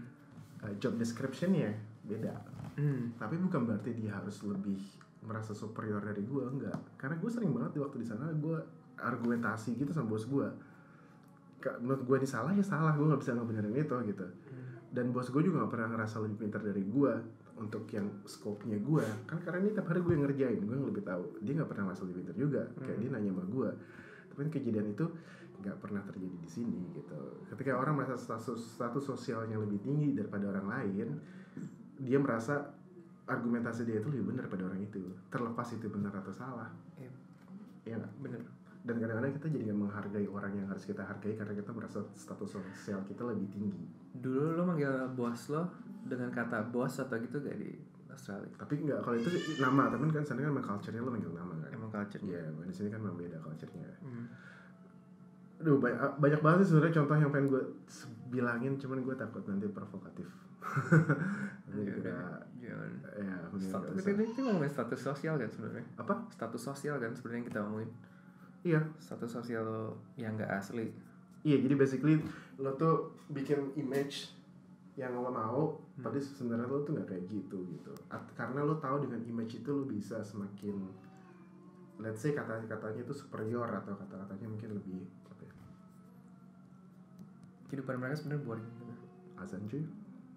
keren banget bisa tidur kalau di tatami gue kalau ngeliat gak nyaman gitu Lo belum pernah ya? Belum Tatami? Enak banget sih. enak gue suka gue kalau ke sana pasti minta requestnya yang kasurnya tatami terus kalau tidur nyamping atau terlentang. terlentang? Terlentang. Orang Jepang tidur terlentang? Nggak tahu kan gue nggak nah, itu merhatiin penting juga. loh kayak maksudnya orang Jepang tidurnya gimana gue nggak tahu tapi yang jelasnya kita itu tidur paling baik itu terlentang dan madep kanan. Terlentang aduh, kan pilihannya cuma lo terlentang madep kiri madep kanan atau tengkurap kan? Hmm. ya yang kata yang gue tahu yang bagus tuh antara terlentang dan madep kanan. Lo madep kiri jantung lo ketekan jantung di sini hmm. makanya gue gue gue biasanya madep kanan hmm. paling parent Muhammad madep kanan makanya gue ngelakuin tapi lo mengenai guling lo nyadar gak sih? Itu Indonesia banget guling. Emang di sana nggak pakai guling ya? Gue nggak tahu. Di Gua- Amerika gua nggak nggak ada guling. gua nggak merhatiin sih. Di Jerman di Amerika di Australia gak ada yang pakai guling. Iya sih. Itu Iya gue Indonesia. orangnya, iya gue oh iya gue gak pernah dapet sih gak ada. Dan di sini kan normal kan Kenapa ada guling? kalau yang gue tahu gue bisa bikin story gitu enggak kalau gue gue yang gue dapet dikit dulu itu tuh dari penjajah Belanda itu Oh, guling. itu nama nama literally-nya kayak wife apa gitu pengganti istri jadi buat buat orang Tapi gak ada bolongan yang guling ya kan? Enggak, enggak. buat tentara-tentara Belanda yang kayak kangen sama istrinya buat dipeluk aja gitu. Dan itu dari situ mulai tuh- perlu cari tahu gulingnya zaman dulu tuh seperti apa Iya sih, mungkin beda kali ya. Sama satu lagi, meses. Masa Sares Meses itu deh, maksudnya itu kultur Belanda, Bro. Apa? Meses. Masa Sares? Kita kan sarapan meses normal kan, Indonesia banget kan. Hmm. Itu Belanda. Ya, cuman emang semua tercampur kan Ya itu dia. Tapi banyak orang yang nggak sadar kalau ini tuh rootsnya dari Lo Belanda. tau gak bahasa Bengkulunya gado-gado? Apa? Salado Salah dong. hmm. It is salad dong emang salad sih Karena dulu kan Bengkulu dijajahnya Inggris, terus ditukar sama Singapura. Gue gak ngerti itu sejarahnya. keren sih Jadi dulu Singapura punya Belanda, Bengkulu punya Inggris, terus di switch. gitu sejarah tuh sebenarnya menarik kita kayak gue harus ngundang orangnya ahli sejarah di satu hari Boleh. Menarik. tapi yang benar-benar ahli? Banyak bro, atau kan banyak. SMA atau guru SMA lu lu punya palu gak? Mm-mm. lu pernah ke Palu? Pernah. Pernah, ini kemarin doang terakhir. Itu yang pekerjaan jurnalis lo atau emang liburan sebelum ada kejadian? Enggak, enggak pas kejadian. Gimana emang kejadiannya? Eh, Palu itu journey yang paling mengesankan lah supaya selama yang pernah gue kerjain Selama lo jadi jurnalis? selama hidup gue kali ya Ah, belum lama ini kejadian terbaik di hidup lo terjadi. Terbuka terbaik paling mengesankan. Salah paling satu ya. berkesan ya. Ah, bukan salah satu sih paling sih. Kenapa? waduh. Gue merasa bersyukur banget lah jadi manusia. Kita bisa ada di sini gitu. Itu gue ngeliat orang-orang um, apa ya? Itu hancur banget satu kota kan? Hmm. hancur banget. Parah parah bisa, udah kalau bisa jabarin kayak gimana parahnya? Hmm, jadi itu gue berangkat H plus cuma satu. Kejadiannya tuh hari Jumat ya. Gue berangkat hari Sabtu. Hmm. Hari Sabtu. Jadi basically pas hari Jumat gue ditelepon siang. eh, kantor nelpon terus kemudian em, CNN internasional nelpon minta update tentang Palu gue update Jumat seminggu pagi itu eh, CCTV China nelpon minta gue berangkat gue berangkat. Yang paling paling ber, ah, yang paling susah kayak yang paling susahnya itu ketika kita harus masuk dan harus keluar itu kayak yang the most tuh. the most challenging partnya tuh waktu itu di situ Ya itu di berita-berita aksesnya kan selalu di, ngomongin susah banget ke sana. bantuan susah masuk dan Iya. lo susah ngirim apa korban keluar untuk berobat kan Ah, Ya, karena jalanan pada kena longsor Hmm. eh airport itunya retak Iya. landasan pesawatnya kan retak Gak ada yang bisa mendarat kan? nggak bisa mendarat yang pesawat gede nggak bisa mendarat yang bisanya cuma pesawat kecil karena kan kalau kecil kan nggak perlu yang panjang. Terus kan eh, pelabuhan juga mati kan lumpuh. Ya udah jadi itu susah banget. Jadi yang menariknya itu waktu itu gue gue gue gue apa planning kan cari yang mana yang paling gampang bisa masuk nih yang paling possible. Gue akhirnya gue milih jalan Makassar. Makassar habis itu ke Poso. Hmm. jadi naik pesawat ke Makassar pesawat kecil ke Poso. Poso gue naik mobil ke Palu. Yang lucunya pas gue lagi naik mobil eh, pesawat ke Poso itu kita isinya jurnalis semua dan kita tuh nggak ada yang janjian. Berapa orang tuh? Oke itu gue inget ada gue lupa ada berapa media ya. Eh, CGTN, ABC Australia, Al Jazeera, French 24, ah gue lupa satu lagi apa ya? Seingat gue ada lima media deh yang media gede semua. Yang- itu gede semua. yang nggak sengaja ketemu di satu pesawat itu Ah, itu orang itu mix dong orang-orangnya. mix campur Gila. campur terus abis itu Itu jurnalis itu seru ya terus. abis itu pas nyampe Poso ternyata kita semua order eh, mobil sama orang yang sama Hmm. kita nggak tahu gitu jadi mungkin gue ngontak rental car dan sekian banyak yang nyawa cuma satu mungkin yang lain juga kayak gitu juga kali cuman dia doang yang ngangkat Good day itu buat dia. Banyak duit masuk. gue nyampe ternyata mobilnya belum siap harusnya kita dijemput di airport kan Hmm. karena nggak dapat bensin Hmm. jadi kita stranded lah di bandara Palu Ah, karena bencana itu gak ada bensin. nggak ada bensin lumpuh kayak em, orang pada rebutan bensin bensin habis Hmm. sementara akses untuk ngirim bensin ke ke posonya juga agak susah karena bencana kan semua orang fokusnya ke bantuan Palu Hmm. ya udah akhirnya mau nggak mau kita nginep di nginep di poso satu malam tapi yang kocak itu ketika semua kita pengen kita lagi mau race dulu duluan nyampe Palu taunya kita semua di satu pesawat gue kumpul yang nyawa mobil sama satu orang gitu Tunggu dia nawarin lebih dari satu mobil tapi kan. Iya iya Mobil yang dia nggak siap ada banyak kan, ada banyak yang nggak siap karena nggak ada bensin. semuanya nggak ada bensin mobilnya jadi Tapi ada mobil nih. mobilnya ada semua mobilnya itu lagi ngantri ben lagi ngantri di pom bensin Ngantri di pom bensin. ngantri di pom bensin baru full semua Hah? mobil rentalnya dia tuh besok paginya subuh subuh. Subuh diisi akhirnya. subuh baru dapat baru baru, baru bensinnya kayak dapat semua Setelah diisi what happened? Ya udah akhirnya kita subuh subuh ya udah akhirnya Cabut kita- semua kan? ya, Nggak akhirnya- nggak mungkin ada yang tidur lagi kan? Cabut semua kan? Iya, cuman yang, ya, akhirnya yang, yang tadinya kita mau lomba-lomba, ya kan, Hmm. mau lomba-lomba dulu nyampe Palu untuk dapetin eh, gambar pertama, akhirnya kita barengan aja konvoy. Hmm. Gue ingat ada 9 mobil waktu itu, 5 media, 5 media 9 mobil. Pas malamnya, gue dengar kita dengar untuk masuk Palu itu banyak penjarahan, ada titik penjarahan di situ. Fuck. Hmm. Ya kayak mobil-mobil stopin karena emang itu udah parah banget bro. Orang tuh udah kelaparan, udah kayak back to nature lagi kayak insting binatangnya tuh mungkin keluar ya, nggak peduli lagi gitu. Hmm. Akhirnya kebetulan yang nyewain rental mobil itu adalah polisi, Hmm. gitu. Teman gue waktu itu sama gue kita ke kapal res apa kapolsek gue lupa Palu bilang kita tolong tolong dikawal karena ini semuanya kan wartawan internasional wartawan asing kalau bisa terjadi apa-apa em, kita bisa image jelek gitu kita akhirnya Indonesianya kan. Hmm, kalau bisa tiba-tiba ditembakin atau dibunuh, aku nggak tahu lah apa itu. Hmm. Terus akhirnya kita nelfon ke Kadif Humas Polri, kayak minta tolong. Akhirnya kita alhamdulillah kita ditaruhin satu polisi gitu, Hmm. intel, karena dia tahu titik. eh, kan Poso ada itu ya, masih ada teroris. Ada titik teroris. Ya ada ada loh beberapa hal yang gue nggak bisa ceritain. Hmm. Cuman kita di sempat di jadi rombongan kita di dimasukin di ada polisi yang jagain. Ada ya pokoknya gitu deh ada ada pengamanan tertentu yang bikin kita ngerasa lebih secure. Kita ngelewatin itu semua, terus dari tengah jalan itu longsor.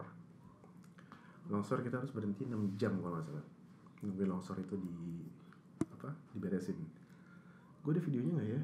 Dari handphone? Kayaknya nggak ada deh yang longsor kayaknya udah gue hapus. Em, ya udah akhirnya kita nyampe Palu.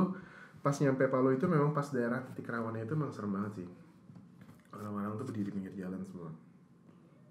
Gak ada lampu sama sekali pinggir jalan. Ada orang banyak semua. Iya, Satu nungguin nungguin di Mereka, mobil mereka mobil yang lewat. Hmm? Maksud mereka kenapa di situ? Ngapain? Em, Emang nunggu, emang nunggu bantuan. mereka nunggu bantuan mau diambil bantuannya, mau dijarah mobil Mau dijarah tadi. Mobil bantuan itu mau dijarah mereka. Ah. Gue sempat ngeliat sih kayak ada orang lagi nggak mau ngerampok, lagi lagi masuk ke rumah orang kayak ke rumah orang. Iya kan kosong rumahnya, orang kan pada keluar rumah semua. Gak ada yang gak ada yang berani di dalam rumah gempa kan, masih gempa-gempa gitu. Tapi ada yang nekat. Gue sempat ngeliat ada orang yang Ah. masuk rumah orang gitu. ngejarah demi ya, Ya, gue nggak tahu deh, gue ngeliat orang itu masuk ke dalam rumah orang Ya, lain. pasti gitu. nggak lewat pintu kan. Lewat pintu depan. Tapi lu tau itu bukan rumah dia. Dari mana? Eh, waktu itu ada ada tem ada gue lupa siapa yang ngasih tau gue ya.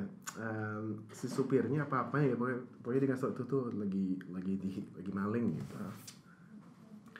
ya udah lah, akhirnya kita lewatin lewatin em, sembilan mobil itu ngelewatin batas perbatasan yang berbahaya itu terus masuk Palu pas sampai titik Palu akhirnya kita baru mencar semua oke oke kita udah selamat semua di Palu kita mencar cuma perjalanan itu kan yang tadi 6 jam itu jadi apa em, satu hari Hmm.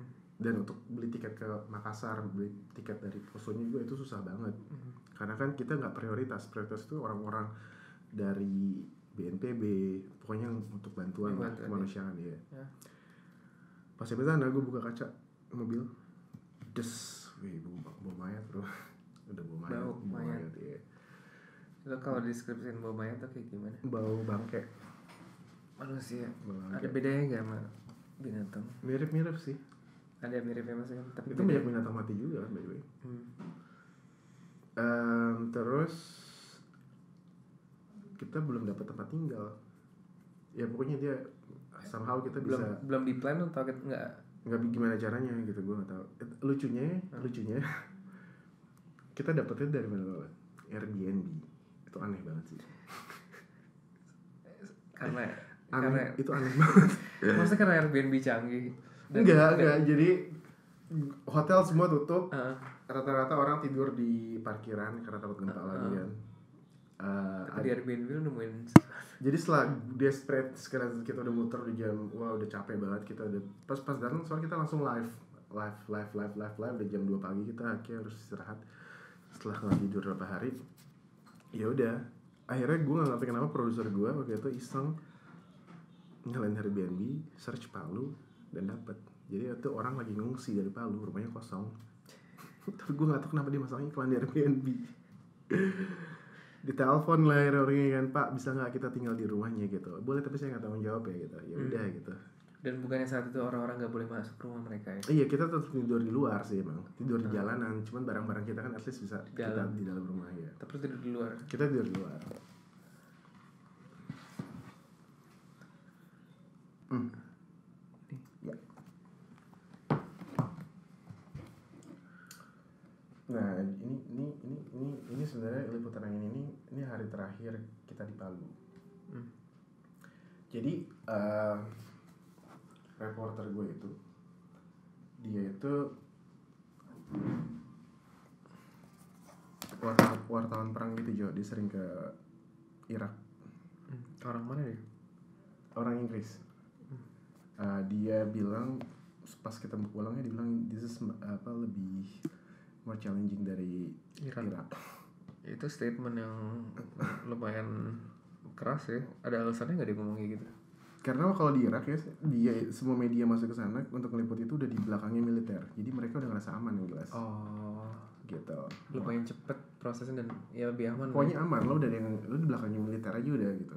Hmm. Sedangkan ini kan lo sendiri. Kayak lo kayak anak hilang aja gitu. Heeh. Eh, ini hari terakhir kita di Palu. Kalau misalnya di play dikit ya, gue bakalan ngasih klip-klip ya. Indonesia's vice president toured the tsunami hit city of Palu on Friday. After criticism, the government has responded too slowly to those who need aid.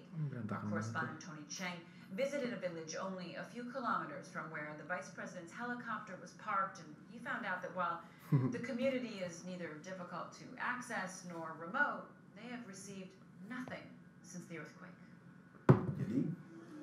One week after Eh, the tsunami, um, the tears continue to flow. Heading into the hills above Palu, where tens of thousands are still hiding. This is the community of Labuan, the fields full of tents. Nah, bagian sampai sini dulu gue jelasin ya. Hmm.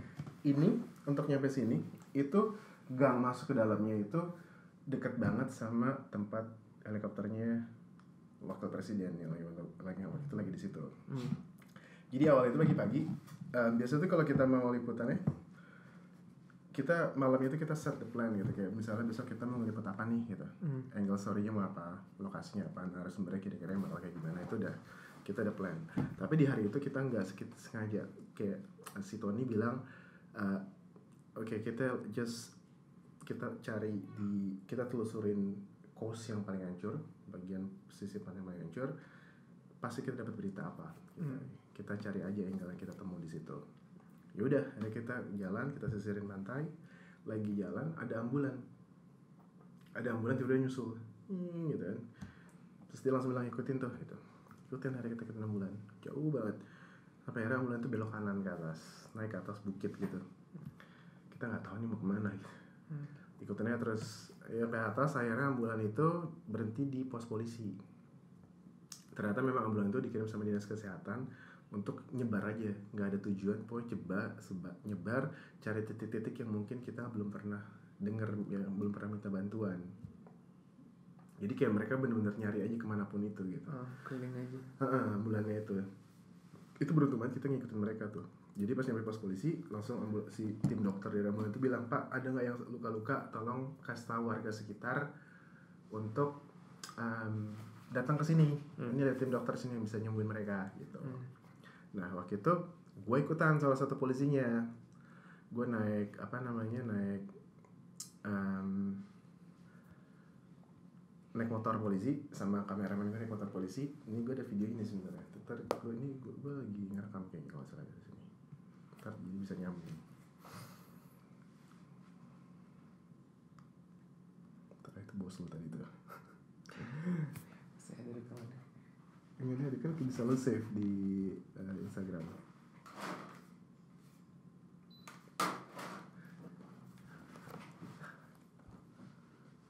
Lombok.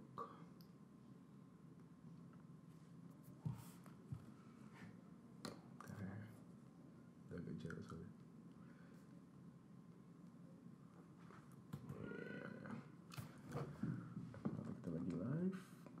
ini waktu ya kelewat bisa balik gak sih? Enggak ya? Bisa mencet kiri. Enggak. Bisa kiri bisa. Nah, ini nih pas gue lagi naik motor sama polisinya nih. Nih, ngikutin aja dia lagi mau ke mana. Ah. Ini kameramen gue di belakang.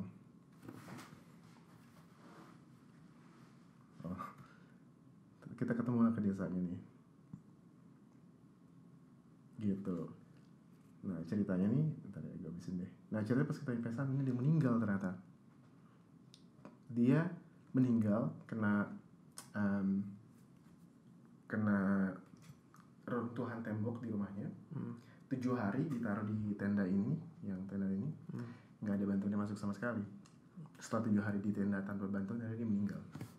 Padahal lukanya bisa di Harusnya bisa. Harusnya Makanya bisa. ini yang kita sebutin di, di cerita kita tuh Hmm. kalau dia meninggal bukan karena em, apa ya disaster, tapi karena kecerobohan manusia yang nggak bisa apa membantu dengan Hmm. cepat gitu. Harusnya orang bisa diselamatin tujuh hari Jo, tujuh hari. tujuh hari. Masalahnya kenapa sampai tujuh hari itu emang nggak ada nggak ada apa-apa Nggak aja. ada gitu. apa aja. Ambulans yang lo ngomongin tadi Dia juga random aja ke itu. random. random aja jadi kirim sama dinas kesehatan berapa ambulan gitu untuk ya udah lu nyebar cari yang lo bisa bantu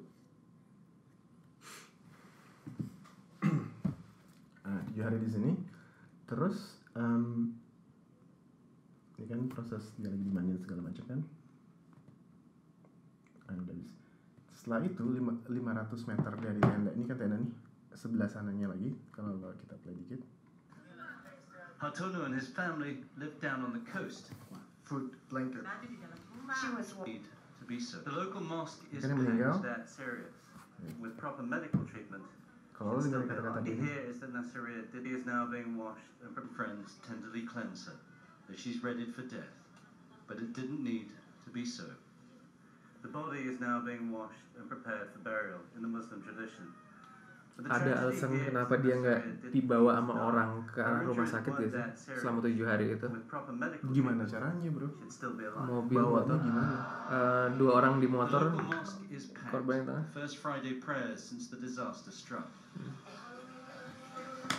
These are acts of God, says the Imam. A reminder to man not to abuse the gift of nature. It seems a Nah. bitter lesson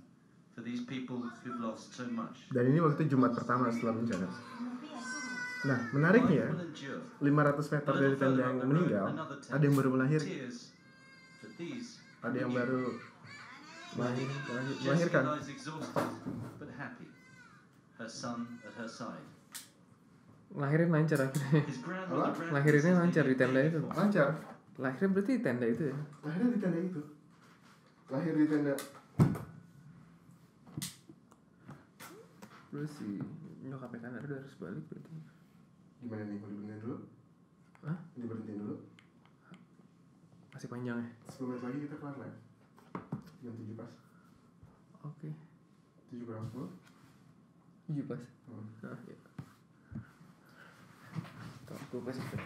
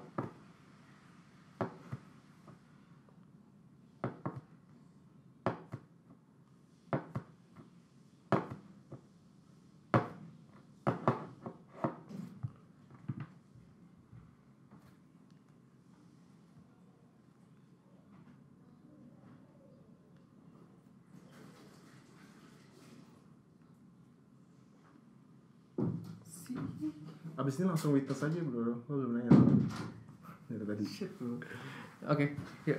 Gila. Abis witness itu apa udah selesai Oke. terus yang menarik jadi 500 meter dari tenda dari tenda yang tadi meninggal itu ada yang baru ngelahirin Proses lahirnya gimana lancar? lancar pakai ya bidan kebetulan ada bidan di yang di situ lihat ya anaknya ya? But the little boy appears to be in good health. nah abis itu langsung kita telepon nih yang tadi This is the first Si yang- si medical ambulannya, aid baru ambulannya datang. since the quake. But she can't stay for long. There are many who need her Yang lo ikutin itu kan? Iya, ambulan yang tadi kita tadi kita kasih tahu dong. Meanwhile, Ada yang baru lahir buat ngecek anaknya sehat apa enggak. relatives sob uncontrollably as her grandson looks on bemused. Nothing could have stopped the quake and the tsunami, but Nasiriya's death wasn't an act of God, Hmm. rather a result of the failure of man.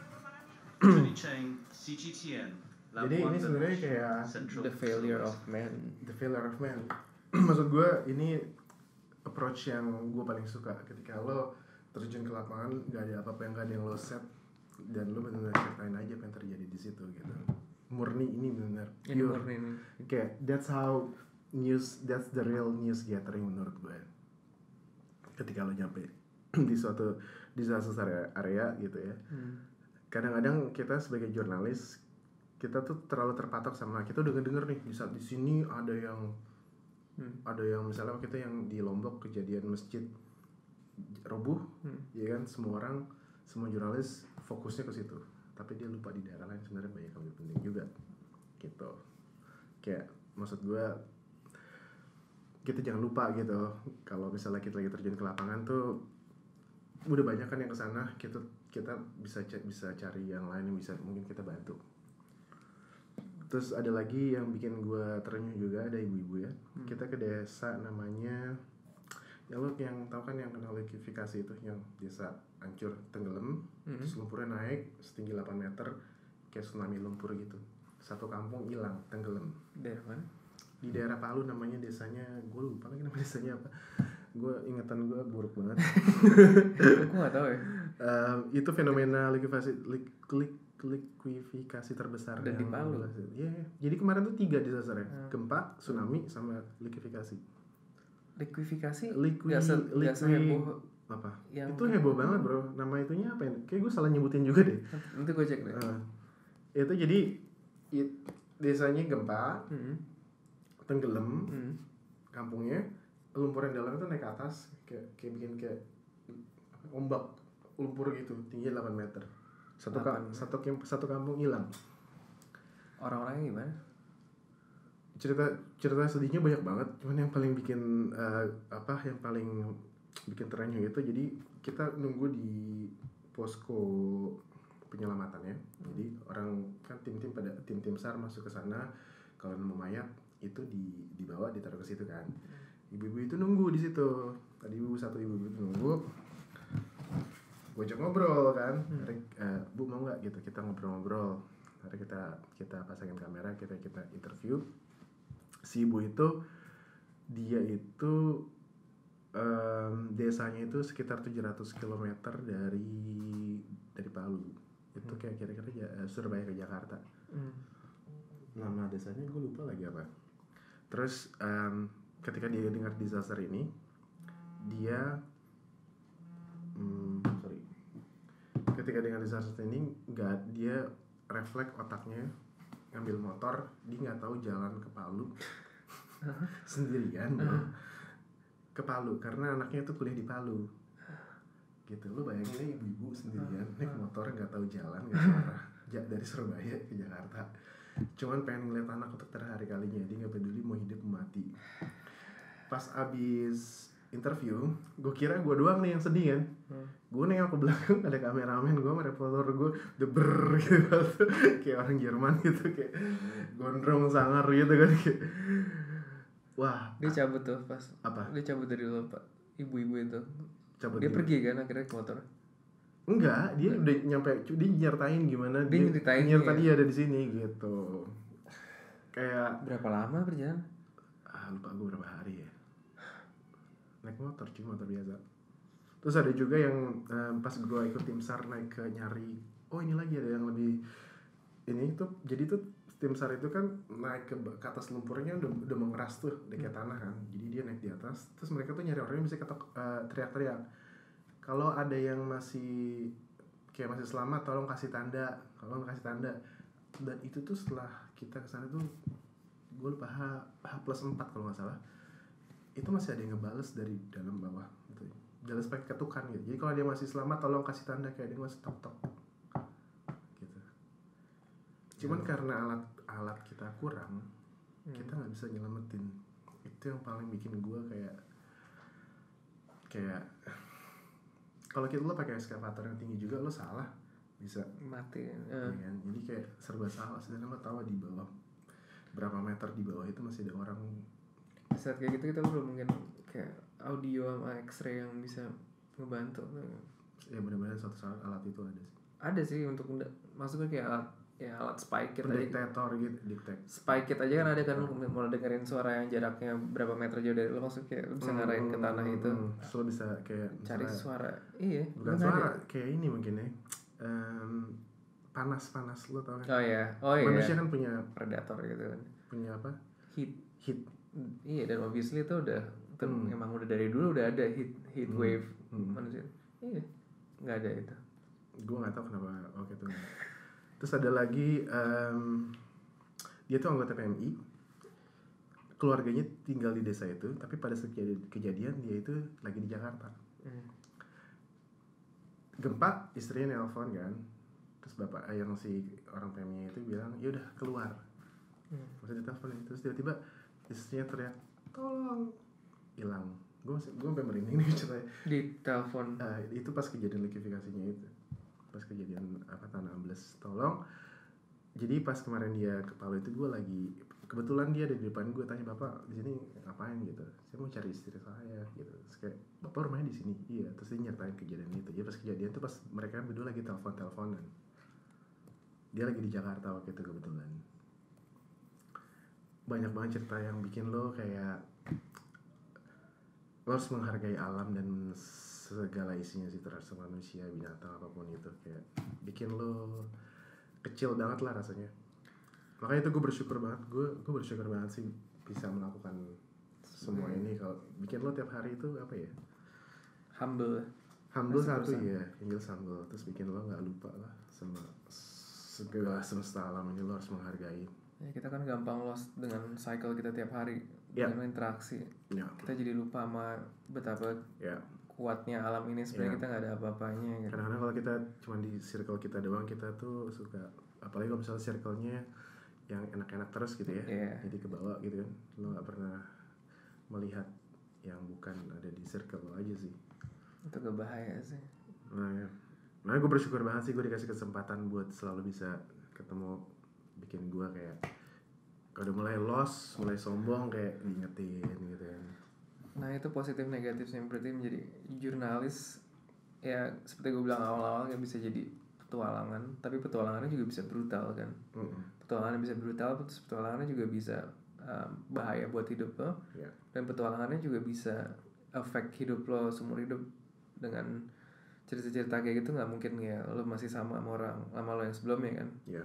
Maksudnya ini cerita tentang hidup mati tentang keluarga tentang orang Hmm. yang kehilangan gitu ya inilah jurnalis tergantung lo mau jadi jurnalis kapan makanya kalau harus passion sih gue bilang hmm. passion lo harus di sana agak ini sih agak menarik kayak jurnalis lu kira bakal agak lebih ke maksudnya kayak cuma ngeliput gig cuma gitu-gitu aja tapi sebenarnya kayak kalau lu passionnya juga adventure ya kan Hmm. adventure atau dan lebih ke ini sih questioning life gitu Iya, lebih ke ini sih sebenarnya.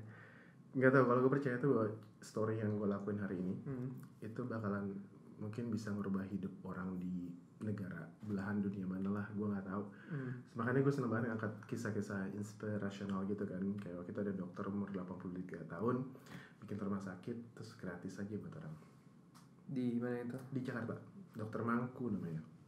dokter mangku Mangku 80 mungkin sekarang umurnya udah 84 kali. Gue bikinnya tahun lalu soalnya. Gratis. Hmm. dan dia Hmm. kalau sekarang nih ya dokter ini kata dia nih kalau lo ke dokternya sekarang paling berapa menit sih lo di dalam? Hmm, 15 max banget itu 15 lu udah hebat sih. Ah. paling 10 menit kan rata-rata. Iya. satu hari tuh dokter bisa berapa dia berapa pasien. Sedangkan dok, dia dokter mangku tuh lu bisa setengah jam kali sama dia. Iya soalnya kan manusia tuh nggak cuman nggak kok ini kata dia ya gue gue bukan dokter jadi gue nggak ngerti nih koreksi kalau gue salah. Dokter saya kalau ditanya kamu sakit apa? A B C D E ya udah dikasih obat berdasarkan yang dirasakan pasien kalau dia tuh kata dia enggak yang benar tuh seharusnya makannya apa di rumah Tuh, kalau Ya. pagi-pagi ngapain karena manusia itu semua terkoneksi gitu. lo ngasih obat A tapi ternyata dia penyakit punya satu penyakit yang bisa obat A ini efek samping efek sampingnya bisa bikin penyakit yang lain di bagian tubuh yang lain gitu gue udah pernah be- beberapa kali sih ke rumah sakit dia em, check up kesehatan ada beberapa masalah hmm. dan dikasih solusinya ini tapi Indian gue dapet solusinya gue sendiri Nah, jadi sebenarnya ada beberapa hal yang mestinya gue hindarin kayak makanan Iya, iya. atau Iya. atau ruangan yang sempat dulu sebenarnya masalahnya ruangan berdebu yang bikin Hmm, gue hmm. bikin gue berdarah at some point yang selalu bikin gue mimisan Hmm. jadi sebenarnya dulu gara-gara ruang berdebu itu gue mimisan terus cuma dokternya nggak nangkep itu sama sekali benar-benar jauh banget gitu di rumah sakit Karena yang pernah nanya kan nggak dia nggak nanya sama sekali gue kerja di mana gue gue olahraga apa iya enggak iya kayak makanan kesukaan lo apaan? Iya gue makan apa? Hobi lo apaan? Mungkin aja hobi lo penyebab penyakit lo. Mungkin hobi gu- pekerjaan gue apa? Kalau mungkin pekerjaan gue sedot kotoran manusia mungkin ada sesuatu yang bisa ngaruhin kan? Tapi nggak ada yang nanya emang bener. Saya kayak bilang agak pusing dikit agak ini dikit kayak mereka tuh kayak fokusnya ke ini Iya. ber- eh, kalau menurut apa yang saya pelajarin dulu berarti ini nih tapi dokter tuh kurang untuk kurang nyoba untuk lebih dalam gitu untuk cari tahu. Karena kan dokter mangku itu lo nggak bisa lo nggak bisa ngejudge satu penyakit cuman karena ngeliat situ. Lo harus ngelihat manusianya secara keseluruhan gitu loh. Psikologinya juga. Makanya dibilang kalau dokter satu hari bisa dapat berapa puluh pasien itu katanya nggak masuk akal. Kalau lo, lo meriksanya tuh bener. Ya itu inspirational banget sih gue dan dia gratis. Gratis bro. Bayar kalau salah tujuh ribu buat admin. Hmm. karena dia harus bayar orang-orang adminnya itu kan gaji. Gue harus cek dokter mangku. Dia nerima siapa aja? Nah itu sih gue kadang-kadang gue ada yang kayak karena gratis ada orang kaya datang juga. Penampilannya penampilannya terlihat kayak sangat kayaknya dia bisa pergi ke rumah sakit. Kayak, nah orang untuk orang yang kayak gitu tolong ya untuk kalau emang ada duit ke rumah sakit yang beneran. Iya sih. Kasih, kasih kesempatan yang lebih membutuhkan. exactly. Aduh, itulah yang terjadi bro. dokter mangku. Nanti gue cek lagi. Hmm. Emang gue mau nanya tentang witness dong Ah, Witness itu project yang gue tahu dari social media atau ya semacam Instagram atau yang lainnya gue tahu lu udah jalanin berapa tahun sekarang witness dua tahun sekarang. dua tahun Ya. jadi konsepnya menarik banget sih jadi witness tuh apa Witness itu sebenarnya namanya witness news. hmm. Witness itu kantor berita. Produk kita ada banyak. Salah satunya itu yang marketplace yang lo lihat itu. salah satunya Jadi marketplace ya kita kan sebagai kantor berita kita menyediakan service dan jasa. Jasa kita itu kita ngasih konten ke jadi kita kayak kita bikin konten Indonesia untuk media-media di luar negeri. Makanya kalau lihat gua bisa liputan buat CNN International atau buat eh, CGTN atau buat Associated Press itu karena itu klien-klien kita. ini kayak semacam misalnya kayak Shutterstock gitu kan mereka nyediain kalau ada yang mau ambil tapi bayar gitu Kalau yang itu marketplace kita. Ini mereka misalnya gini, CNN butuh produser, butuh kameramen atau misalnya mereka butuh reporter untuk Aha. untuk ngeliput di Indonesia itu kita yang menyediakan servisnya. bisa gitu kayak gue butuh kameramen aja gue butuh Iya makanya kadang-kadang gue bisa jadi produser di mana, butuh sih jadi kameramen di mana, jadi reporter di mana kayak ya tergantung klien mintanya apa. dari situ main income-nya dari Eh, Iya jadi kayak bisnis modelnya itu ya kita sebagai crewing provider lah buat news foreign news media. Sama buat umum kalau mereka orang yang misalnya ngerekam kejadian-kejadian yang nggak sengaja mereka rekam Nah itu, itu juga marketplace. Jadi itu sebenarnya Hmm. waktu itu waktu gue masih uh, awal-awal itu pas gue masih um, sempat gue bantu-bantu CNN Internasional untuk Jakarta di yang di Jakarta. Jadi waktu itu CNN Internasional tuh punya biro di Jakarta. Hmm. Bironya tutup Hmm. karena waktu itu CNN Indonesia ada. Jadi buat apa lagi buat CNN Internasional punya Iya. punya biro di Jakarta tapi ada CNN Indonesia juga. Hmm. Tapi by the way biar ini semua orang clear, CNN Indonesia dan CNN International itu dua different companies. Jadi kayak franchise gitu mereka. Tapi CNN Indonesia itu bukan di bawah CNN International. Itu agak agak nggak bingungin sih. Iya, mereka basically beli, beli franchise CNN-nya. Gitu. Gim- Tapi kena- mereka tidak saling memiliki. Nah itu dia kenapa mereka bisa beli franchise. Karena akhirnya Kalau- CNN mengeluarkan franchise. Tapi yang kocaknya gini kan, lu beli franchise ber- ya dengan harapan lu dapat value, dapat brandingnya itu. Tapi sebenarnya lu barusan Gini, secara konten mereka bisa tukar-tukaran konten. oh bisa tukar-tukaran. Tapi mereka nggak berhak untuk menyuruh. Nggak bisa mengontrol. Kayak CNN Internasional nggak bisa mengontrol konten CNN Indonesia. Tapi mereka bisa minta konten CNN Indonesia untuk dipakai di CNN Internasional. Nah, kadang-kadang banyak berita yang CNN Internasional pengen tapi nggak di CNN Indonesia nggak punya. Makanya mereka kontak kita untuk bikin liputannya. Yang punya kontrol di Indonesia siapanya? Untuk siapa? Untuk kontennya, untuk kontennya. Untuk kontennya siapa? CNN Indonesia apa CNN Internasional? Indonesia. Ya CNN Indonesia punya CNN, punyanya Headnya Transmedia kan? um, trans jadi ada transmedia. Mm-mm. Kalau ada yang transmedia nggak mau, di CNN bisa di maksudnya kayak transmedia nggak mau CNN liput sesuatu itu bisa dipotong CNN mana nih? Indonesia. Iya pokoknya CNN Indonesia itu Hmm. berada di bawah Trans Group. Jadi bisa kan? Iya bukan di bawah CNN International. Mereka punya mereka beli franchise untuk dapetin label CNN-nya itu. Kalau franchise kan kayak McD atau KFC jelas kan lo dapetnya apa. Ini Hmm. agak beda kali ya. Kayak apa yang lo beli dari CNN-nya itu. Intinya mereka dua adalah dua perusahaan yang beda. CNN International sendiri, CNN Indonesia sendiri. Literally mereka cuma beli nama aja. Ya semacam itulah bisa dibilang kali ya. Nama aja kan. Tapi mereka itu tuh bisa tukar-tukaran konten. Jadi misalnya itu itu gue itu make sense Iya, konten. Ada lagi gak? beli. Ada lagi gak? gue nggak tahu, gue nggak tahu, gue nggak tahu isi kontraknya. minta kameramen datang atau produser gue nggak tahu. Nggak tahu. Gue nggak tahu. Gue nggak tahu isi kontraknya mereka bikin mereka ini gue nggak ngerti.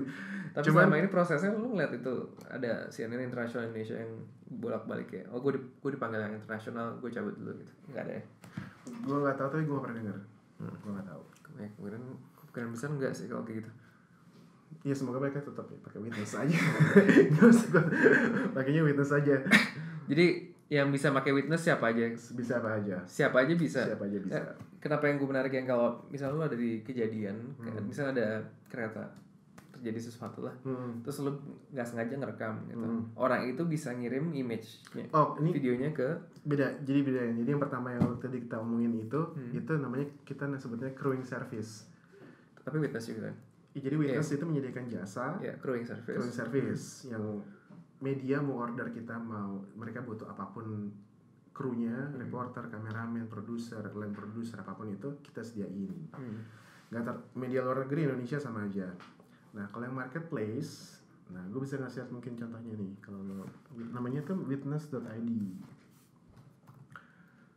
ini sebenarnya penting banget awa- awarenessnya eh, yang pesannya adalah copyright issue yang selama ini di Indonesia itu nggak pernah dianggap Mhm. Eh, witness tuh, ini beda dari yang gue lihat dulu ya? Apa sama? sama kok Oh logonya sekarang nggak, tapi udah berubah layoutnya. ya. ah berubah dikit Nah ini ada harga-harganya kayak. Iya, jadi Hmm. awalnya gini gue tau. Waktu dulu gue di yang sempat gue bantu-bantu CNN International em, cabang Jakarta, biro Jakarta itu, em, kalau kita mau pakai footage orang ya, Hmm. itu ada prosedurnya bro. Kita nggak boleh pakai footage sembarangan. Footage orang umumnya atau witness? Orang umum nih misalnya lo metro lo kerja di Metro TV misalnya ya, lo Hmm. pegawai Metro TV, lo ngelihat ada footage eh, Amatir. amatir di YouTube Hmm. lo nggak boleh sembarangan ngambil YouTube masukin courtesy YouTube Bahkan kayak Cortez, iya. nggak boleh itu lo bisa tuntut nih gue kasih tau nih buat temen-temen nih kalau video lo dipakai sama media tanpa izin Ah, tuntut aja tuh media banyak soal yang udah kayak gitu tapi memang, memang belum banyak awareness yang banyak orang tahu prosedurnya tuh kalau kita dulu itu prosedurnya jelas banget kita pokoknya ada written agreement between antara si pemilik gambar dan media basically kita minta izin lah ke orang itu Hmm. untuk dipakai medianya eh sorry gambarnya Dan menurut gue ini bakal agak kompleks karena kan misalnya ada kejadian berita kan pengen secepatnya kan. Mm-mm. Kayak ada kejadian misalnya kecelakaan ya prosesnya harus cepet juga Mm-mm. dan ya udah ini lo tinggal upload aja ah, begitu lo upload har- memang harus melalui proses kurasi tapi kita cepet kok proses kurasinya paling lama itu setengah jam udah udah naik gambar lo kalau memang lolos di review dulu kan berarti Iya kita ada tim kurasinya. Hmm. Ada tiga el- tiga hal yang sebenarnya kita cek. Pertama copyright. Jadi si si yang upload gambarnya itu harus yang punya copyright. Kalau bukan dia kita nggak bisa. Gitu, Itu udah harga mati. Ke- kedua harus punya news value-nya. Misal orang ini gambar gambar macet di Jakarta gitu ya. Hmm. Ya udah news value-nya gimana? Ini tiap hari macet. Tapi kalau misalnya gambar macet di tengah-tengahnya ada Jokowi lagi macet, Hmm. itu punya punya news value gitu yang gitu. yang ketiga etika jurnalistiknya harus ada kayak lo nggak boleh ngambil gambar di dalam yang bukan public area misalnya ngambil gambar di rumah gitu rumah orang lo mau ngambil gambar saya rumahnya siapa artis lo masuk mengambil itu lo udah melanggar kode etik jurnalistik kita nggak bisa losin. Selama tiga itu ada kita kita pasti kasih. Nah ini lo bisa jual video lo di sini gitu. Jadi daripada lo upload upload di Instagram Hmm. di di YouTube gitu lo upload doang nggak dapat duit nggak dapat apa lo upload di sini kalau misalnya media-media mau pakai footage lo mereka bayar. Lo dapat duit. Ini kalau sampai satu orang satu Indonesia tahu ada ini mereka pasti ini bakal booming sih. Iya masalahnya kita ya kita kita sangat kita masih independen semua masih apa namanya masih pakai duit sendiri. Ada beberapa sih orang investor nawar menjadi investor cuman orang-orang itu terlihat ya misalnya backgroundnya dia punya ada Misalnya- maksud misal- lainnya misalnya dia apa terlibat dengan politik Hmm. di pihak mana apa kita masih kita nggak mau. Soalnya kalau misalnya udah kita di belakangnya udah kelihatan ada yang menyetir kita jadi nggak independen lagi. Kalau video kayak gini sistemnya komisi berapa persen? Komisi jadi ini ini ya by the way ini yang ngambil ini ada dua. Jadi gini misalnya video ini ini harganya 450.000 ribu. Hmm. buat witness kalau ini video ini kita laku di, misalnya dibeli sama media A. Hmm.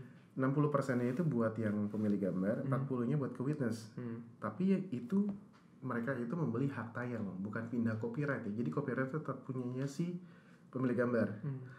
Media beli nih dapat 60 persen kan Hmm. 60 persen itu sekitar 255 ribu sekian gitu 60 persennya dia dapat 250 da- dapat 255 ribu Hmm. media B beli lagi dapat lagi 250 ribu media C beli lagi dapat lagi berkali-kali ya? iya waktu itu sempat yang sempat paling banyak itu pas eh, si waktu itu Pak Gatot mantan Panglima TNI Hmm. dia di terakhir dia mau pergi ke eh, mana? Ke eh, Amerika kalau nggak salah. Hmm. kebetulan ada teman wartawan di situ ngeliat iseng aja pakai handphone nanya bapak mau ke mana? gitu.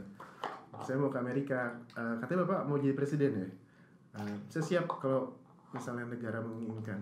Itu kayak statement pertama Gatot yang dia bilang dia siap jadi presiden. Itu lumayan dibeli sama beberapa media tuh gitu Sekarang one cuma pakai handphone doang satu kali deal dibeli berkali-kali. Hmm. gue paling suka tuh bisnis kayak gitu. Kecuali media itu pengen eksklusif. Dia Udah pengen copyright copyrightnya Eh, pindah iya. pindah. Jadi punya dia doang nih nah misalnya pasti beda lagi kan harganya nah kalau kayak gitu kejadiannya gue misalnya video ini nih gue pengen misalnya media pengen video ini secara eksklusif ya udah nanti kita bakal mempertemukan si pembeli dan sorry penjual dan calon pembeli. Nah itu harganya terserah mereka deh mau Hmm. mau mau kayak gimana. Harganya kita nggak bisa netepin orang-orang yang masukin ke sini banyak jurnalis amatir apa rata-rata kayak kita mulai dari jurnalis karena alasannya adalah jurnalis yang paling tahu tiga elemen tadi itu Hmm. paling mengerti. Nanti kalau jurnalisnya udah udah nyaman eh, kita mulai ke CJ lah pelan-pelan gitu. Tapi untuk introduction kita mulai dari jurnalis dulu.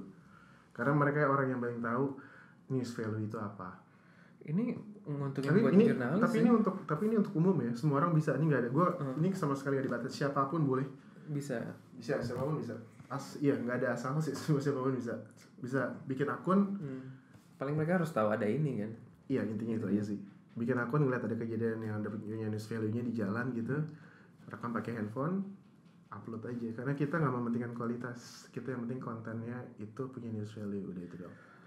strategi witness sendiri untuk untuk ngepromosin witness ke masyarakat kan kan ini perlu orang tahu nih Hmm. kalau orang Hmm. makin tahu makin banyak kontennya juga kan Kita lagi mencoba kerja sama sama apa namanya ada satu universitas di Indonesia. Kita jadi mulainya mau dari universitas dulu karena kita mikirnya setelah jurnalis mungkin orang yang paling cocok itu eh, mahasiswa, Iya.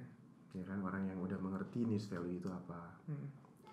Semoga nanti ada- kita mau bikin workshop-workshop lah muter-muter dari universitas ke universitas. di jalan tuh Ngejelasin. Ini lagi lagi dalam ini eh, lagi lagi kita bikin belum belum mulai sih. Cuma kita lagi lagi mau bikin mudah-mudahan bentar lagi bisa ada. bisa bikin apa account Persis kayak lo bikin account di YouTube, Ya. cuma bedanya lo jualan deh gitu. Terus misalnya orang yang upload ke sini, eh, mereka perlu sign a deal kan? Itu eh, physically mereka sign atau ketemu dulu? Enggak kan begitu lo begitu lo daftar kan di situ ada terms and Udah conditionnya. ya? Begitu Oh, lo iya. begitu lo agree ya udah lo menyetujui itu. Sama persis kok kayak YouTube caranya. Cuma ada beberapa hal kayak memang kita minta KTP, Hmm. kita minta NPWP, kita minta bank account. Kalau bank account kan supaya dapat duitnya di transfer. Nah NPWP sama KTP itu tujuannya buat mengkurasi copyright kita, mau make sure benar-benar orang ini nih bukan fake account lah. Hmm. Kalau di sosial media kan sekarang fake account itu tujuannya untuk itu nggak ada fake account. Karena copyright penting banget itu harga mati. Ini yang gue bilang kalau misalnya jurnalistik lo lakukan dengan yang benar itu sebenarnya profesi yang mulia guys. Menurut gue Kalau gue mau kayak hire eh, kameramen doang gue gimana? Ya, jadi kalau mau hire kameramen itu nanti gua. nih crew service, eh crew request. Jadi lo isi nama lo siapa, perusahaan lo apa, terus lo tulis kebutuhan lo di sini. Lo tinggal klik send, nanti kita bakalan reply. Atau nggak kita kita telepon. Sekarang sejauh ini udah siapa aja? Klien, Nah, klien-klien besarnya. um, Channel Global Television Network, Hmm. CNN International, ABC Australia, Associated Press, Channel 4 UK, uh, Channel News Asia, Itu besar semua loh. itu yang luar ya kalau yang kalau yang pak kalau yang Mereka nemuin dari mana by the way? Biasanya dari mana? Mulut ke mulut sih Mulut sih. ya itu gue lumayan ceritanya tuh panjang lah tapi Hmm. waktu Palu itu kejadian Palu itu itu kayak peaknya witness sih Hmm. jadi kan gue bilang tuh tadi gue lagi hari Jumat di telepon CNN kalau untuk update itu jadi hari Jumat gue update gue nggak tidur sampai hari Minggu Hmm. ya gue nggak tahu nggak tidur itu jam setengah lima pagi gue ingat banget gue baru mau tidur tiba-tiba CCTV China nelfon lo bisa nggak berangkat oke gue berangkat gue cuma bisa tidur sejam tuh begitu karena otak gue udah penuh banget kan. Gue bangun gue bangun ada 30 miss call bro di handphone gue Hmm. gue nggak tahu itu itu dari dari mana-mana gue kayak terharu banget sih kayak gue terharu banget kayak ini orang bisa tahu nomor telepon gue dari mana? Gitu kayak ya udah itu akhirnya jadi titik titik kita untuk tadi kita tuh sempat struggling kan sebagai perusahaan kayak wow susah banget tapi ternyata pas titik itu kerja keras kita satu tahun setengah yang kemarin itu ternyata terbayar bahwa itu dari mulut ke mulut lah intinya Hmm. rekomendasi dari mulut ke mulut Emang takes time ya untuk get it off. Hmm, hmm. Cuma begitu loh, ya udah gue terharu banget sih pas gila. Gue cuma tidur sejam bangun dari miss call segini banyak. Sampai hari kita ada beberapa yang kita bilang nggak bisa, kita bilang maaf banget nggak bisa karena stok jurnalisnya pun udah habis bro. Semua orang udah berangkat ke Palu. Kita even nge-hire beberapa jurnalis dari Bali. Kita import dari Bali, kita kirim ke Palu. Lu punya tim sendiri atau semuanya by project gitu kerjanya? Um, kita punya teman-teman lingkungan inner circle dekat yang semuanya freelancer dekat yang sering kita pakai Hmm. karena kita udah tahu kualitas mereka kan gitu. tapi kita basically punya jaringan di seluruh Indonesia gitu. jadi kayak misalnya kayak kumparan tuh sering Oh. Pakai kita untuk liputan di Indonesia. Kayak misalnya di di di, di mana namanya? Eh gue boleh ngasih tuh dapurnya kumparan deh sorry. Misalnya media lokal gitu ada yang mereka butuh misalnya lo punya media kantor di Jakarta tapi lo nggak punya tim di Kalimantan gitu Hmm. lo punya tim di Papua lo tinggal telepon witness nanti kita oh, teman ki- Hmm. teman-teman kita yang di Papua atau di Kalimantan bisa bikinin berita buat yang di Jakarta Teman-teman yang itu lu udah ketemu dulu sebelumnya udah. iya ya jadi itu memang kita kita tuh kuatnya awalnya memang karena kita punya jaringan yang kuat di di Indonesia gitu kita kenal hampir semua jurnalis yang ada di Indonesia Perlu berapa lama tuh sampai punya jaringan? itu kan karena emang kredibilitas maksudnya itu kan dibangun dari karir kita yang udah kita co-foundernya tiga. Kalau digabungin itu kan pengalamannya udah lebih dari 30 tahun pengalaman di dunia jurnalistik yang pasti kan kita kenal lah tiap-tiap. Jurnalistik kan ada komunitas-komunitasnya juga dari tiap daerah. Perlu berapa lama tapi buat bikin komunitas? Maksudnya kayak buat witness lah.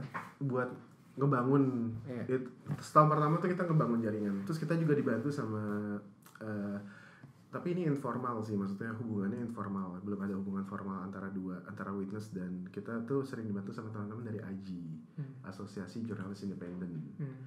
gitu AJI kan dia ada di seluruh Indonesia kan jadi kita kerjasama informal lah bisa dibilang bentuk kerjasamanya jadi kalau misalnya ada kejadian di mana Aji punya teman di mana gitu kita karena Aji itu udah kredibilitasnya kan Aji Aji itu yang Tinggi. paling gue kurang tahu kalau lagi eh, ya tapi di udah komunitas itu pasti. udah nggak ada yang meragukan kredibilitas Aji lah. Orang-orangnya semua isi orang idealis semua gitu. Kayak maksudnya intinya sekarang kita saling membantu aja lah. Kita nyebutinnya sharing ekonomi. Yep. saling membantu. Lo kalau lo merakus nggak akan bisa bro. Kita sa- mungkin gak sih dari witness ini kayak uh, jurnalis jualannya fokus di witness aja gitu bisa aja kan ya. Kayak dia ngejar berita tapi nggak ke media tapi dia langsung ke witness. Soalnya bakal banyak media yang ngincar selama itu copyrightnya punya dia bukan punya perusahaan ya silahkan gitu. Tapi sebenarnya kan ini kan tujuannya bahwa ini untuk masyarakat. Ya kan? Bahwa semua orang sekarang bisa kalau ini ya lo mau share berita yang kredibel karena itu dicek sama tim kurasi kita. Kalau ada ada yang kurang 5 w 1 hanya itu tim kita bakal nelpon. Udah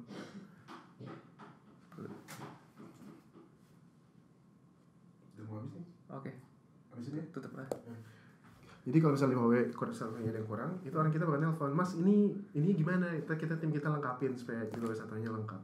Jadi yang kita provide ini fakta bukan opini. yep. menjaga kredibilitas Tetaplah di pakem-pakemnya inilah apa purpose of jurnalis.